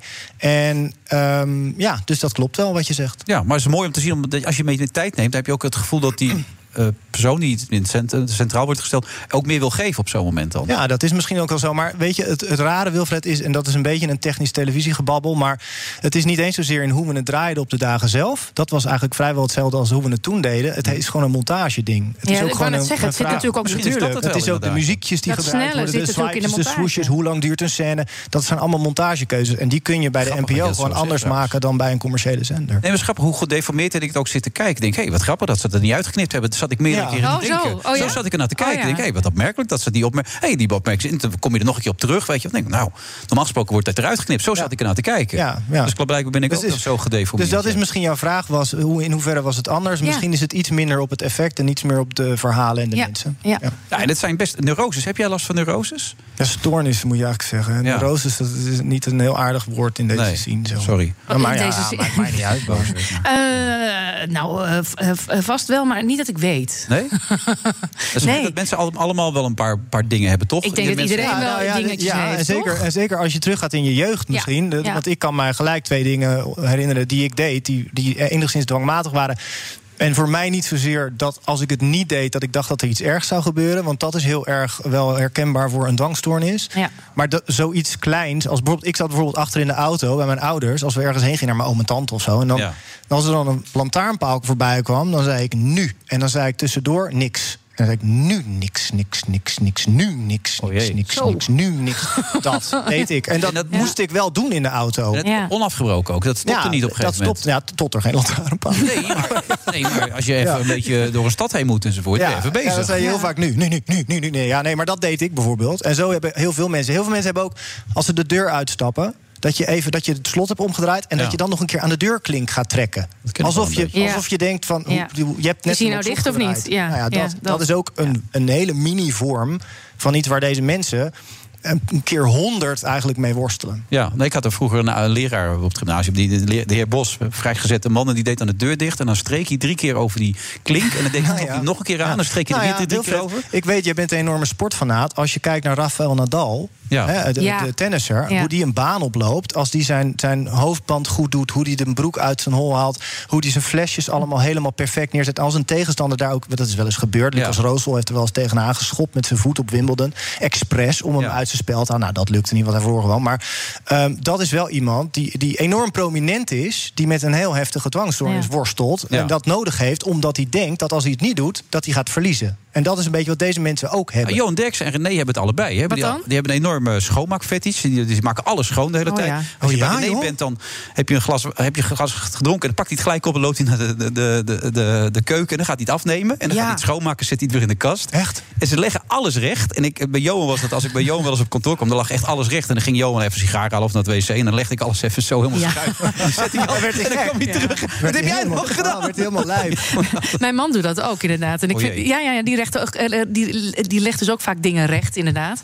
En ik, heb, ik ben wel een beetje zo'n zo'n zo'n zo'n rotzak... die dan eventjes het schilderij een klein tikkie geeft, inderdaad. Dat vind ik dat toch even leuk. Om te stangen. En, en dan kijken hoe dus- lang het duurt voordat je het recht maar. Roos, dat is dus de juiste wijze, hè, heb ik dus geleerd van de therapeut. Is dat zo? Ja, Oh, ja? ja? Ja, ja, dat is dus dat is exposure. Want dat is eigenlijk wat wij met deze mensen doen. We hebben ze meegenomen op een reis. En we laten ze eigenlijk heel veel oefenen in therapieoefeningen. En dat is allemaal exposure therapie. En dat betekent eigenlijk dat je dus je angst moet uitspreken en, en kenbaar moet maken. En vervolgens moet je dat dan ook gaan doen. Gaan doen. Om eigenlijk te, Oh, ja. te merken en te voelen dat het niet erg is. Dat Nee. er niet iets ergs gaat gebeuren als deze krant hier scheef ligt. En niet recht. Ja. Ja. ja. Hoe werkt dat dan? Hè? Dan heb je zo'n programma gemaakt. Ga je dan later ook nog weer kijken hoe het met ze gaat? Of, of is Ja, dat we niet hebben, we hebben morgen de laatste draaidag. Ja. Ehm, en, en dat is drie weken, of bijna drie weken nadat we eh, eh, de reis hebben afgerond. Dus we hebben nog een hereniging waarbij we eigenlijk kunnen zien. Want kijk, het is geen eh, eh, Hans Klok magie, weet je wel. Die mensen zijn er niet in één keer knip van af. Weet Nee. je? En dat pretenderen we ook niet. Ze hebben er veel minder last van, maar er kan ook weer een terugval komen. Ja. En dus daar ben ik heel benieuwd naar. En ik heb nu expres even drie weken niet zoveel contact gehad met ze, omdat ik ze morgen gewoon wel open Ja. en, en wil spreken en wil weten hoe het gaat. Ehm, maar ja, dus we zien elkaar morgen. weer. Ja. Ja. Dans met mij vanaf 4 april, dus deze zondag. Ja, ga jij kijken? Vier zondagen. Ja, dat denk ik misschien wel. Misschien kwart voor vijf. eh, Kwart voor zes zie ik sta bij de NTR, op NPO 2. Ja. En het andere programma is... Op dinsdagavond om vijf voor half negen op NPO 3. Bij de KRO en CRV. Oké, mooi man. Ja. Dan zit er nog weer nieuwe dingen aan te komen. Je zegt van, eh, hmm, leuk. Ja, er zitten natuurlijk Ja? aan te komen. Ja. Zoals? Ja, jemig, je hebt een, een muziekje ingestart... en dan moet ik nu gaan vertellen wat ik nog ga doen, weet je. Dat is veel te out of the box allemaal. Ja, is dat gaat niet lukken. Gaat dan moet je me ja? nog maar een keertje uitnodigen. Ja, bij de vijf uur show zou ook kunnen. Is dat niet leuk om een keer Jan binnenkort? Hij is van Ja? harte welkom. Ja, dat dat zeg ik nu eh, zomaar, waarbij ik iedereen passeer die daar ook werkt. Ja, maar ze zeiden tegen jou een beetje brutaal zijn. Jij, Ja, bent dat toch, jij, maakt het toch? Ja. Ja, nee, ja, dat- ik denk, en ik denk dat ze het enig vinden als je komt. Oké. Ja. Ja, deze. ook altijd Goed herstel. Goed, hè? Heel soepel. Heel scherp. Goed dat je er was, Jan. Leuk om er te zijn. En zet hem op, hè? Met Zeker. alles. Dankjewel. Goed, en dat wil ik ook tegen jou zeggen, Roos. Het was weer gezellig. Ik vond het ook heel gezellig. Het gaat zo snel alleen. Niemand is boos, geloof ik. Nee, toch? Ben je boos, Jan? Nee. Heel boos. Ja, Wel, hè? verdrietig. Maar ik ben een soort chronisch boos. Oh, ik ben eigenlijk een gemiddelde Nederlander. Oh, oké. Ik. Maar dat zeggen, daar hebben heel veel mensen last van. Altijd Ja, boos. of van een geheugen, of ze zijn boos. Ja, dat weet ik dan meer niet. Nee, dat Nee. heb jij dan weer niet. Nee. Maar het was leuk, dankjewel. Wat heel gezellig. Tot de volgende keer. Joep. En dan begint het, hè? Dan begint het echt. Ben je er klaar voor? Ik ben er helemaal klaar voor. Heel goed, daar gaat hij. 3, 2, 1. Gaat u gaan. Voorzitter, ik lieg niet. De luisteraars en ik hebben het niet gehoord. Dan zou u het nog één keer willen herhalen. Ik sta hier niet te liegen. Ik spreek hier geen leugens, voorzitter. Het is een kwestie van wantrouwen. Het is een kwestie van procedures volgen. Ja, ik vind het ook best verdrietig. Ik moet zeggen dat ik het gewoon niet geloof. Eh, meneer Rutte, eh, u kent mij. Ehm, ik sta hier dan ook met zwaar gemoed. Ik maak mij grote zorgen. Het is, het is gewoon slecht voor het aanzien van de politiek. En ja, natuurlijk, het zou natuurlijk kunnen. Misschien weet hij het echt niet meer. Nou, ehm, ik kan niet eh, voor de heer Rutte spreken. Voorzitter, dit is gewoon niet geloofwaardig. En geen woord van excuus aan de persoon Pieter Omzicht. Er is schade, zware schade opgelopen.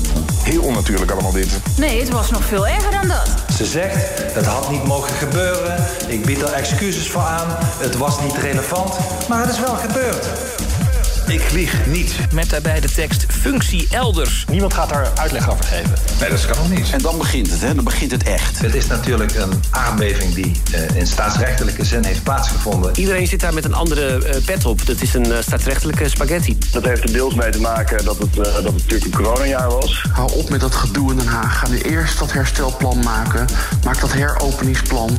Zorg dat het vaccineren op orde komt. Dat is de waarheid. De formatie ligt nog altijd stil. Ja, dat klopt. Ja, de, de ene uitdaging is opgelost, nu komt de andere eh, er, eraan. Mijn overtuiging is dat dat niet uit het CDA komt. En waar hebben we het over? Over het Kamerlid Omzicht. Come on. En we weten nog helemaal niet Uit het verslag van mijn gesprek blijkt dat het wel over Pieter Omtzigt is gegaan. functie elders. Dit helpt eh, de mensen om ook preventief te testen. De vraag is even of de rest van de Kamer hem daarin volgt. Eh, en uiteindelijk eh, kan ik niks anders doen dan een stinkende pest. De Friday Move wordt mede mogelijk gemaakt door Droomparken en TUI. Discover your Rendement tot wel 8%. Ontdek Unity. Wij bieden koppelbare werk, kantoor en opslagruimtes die staan voor duurzaamheid, kwaliteit en veelzijdigheid. Sluit je aan bij Unity, waar alle ruimte is voor creativiteit, lef en rendement. Kijk voor meer informatie op unity-units.nl.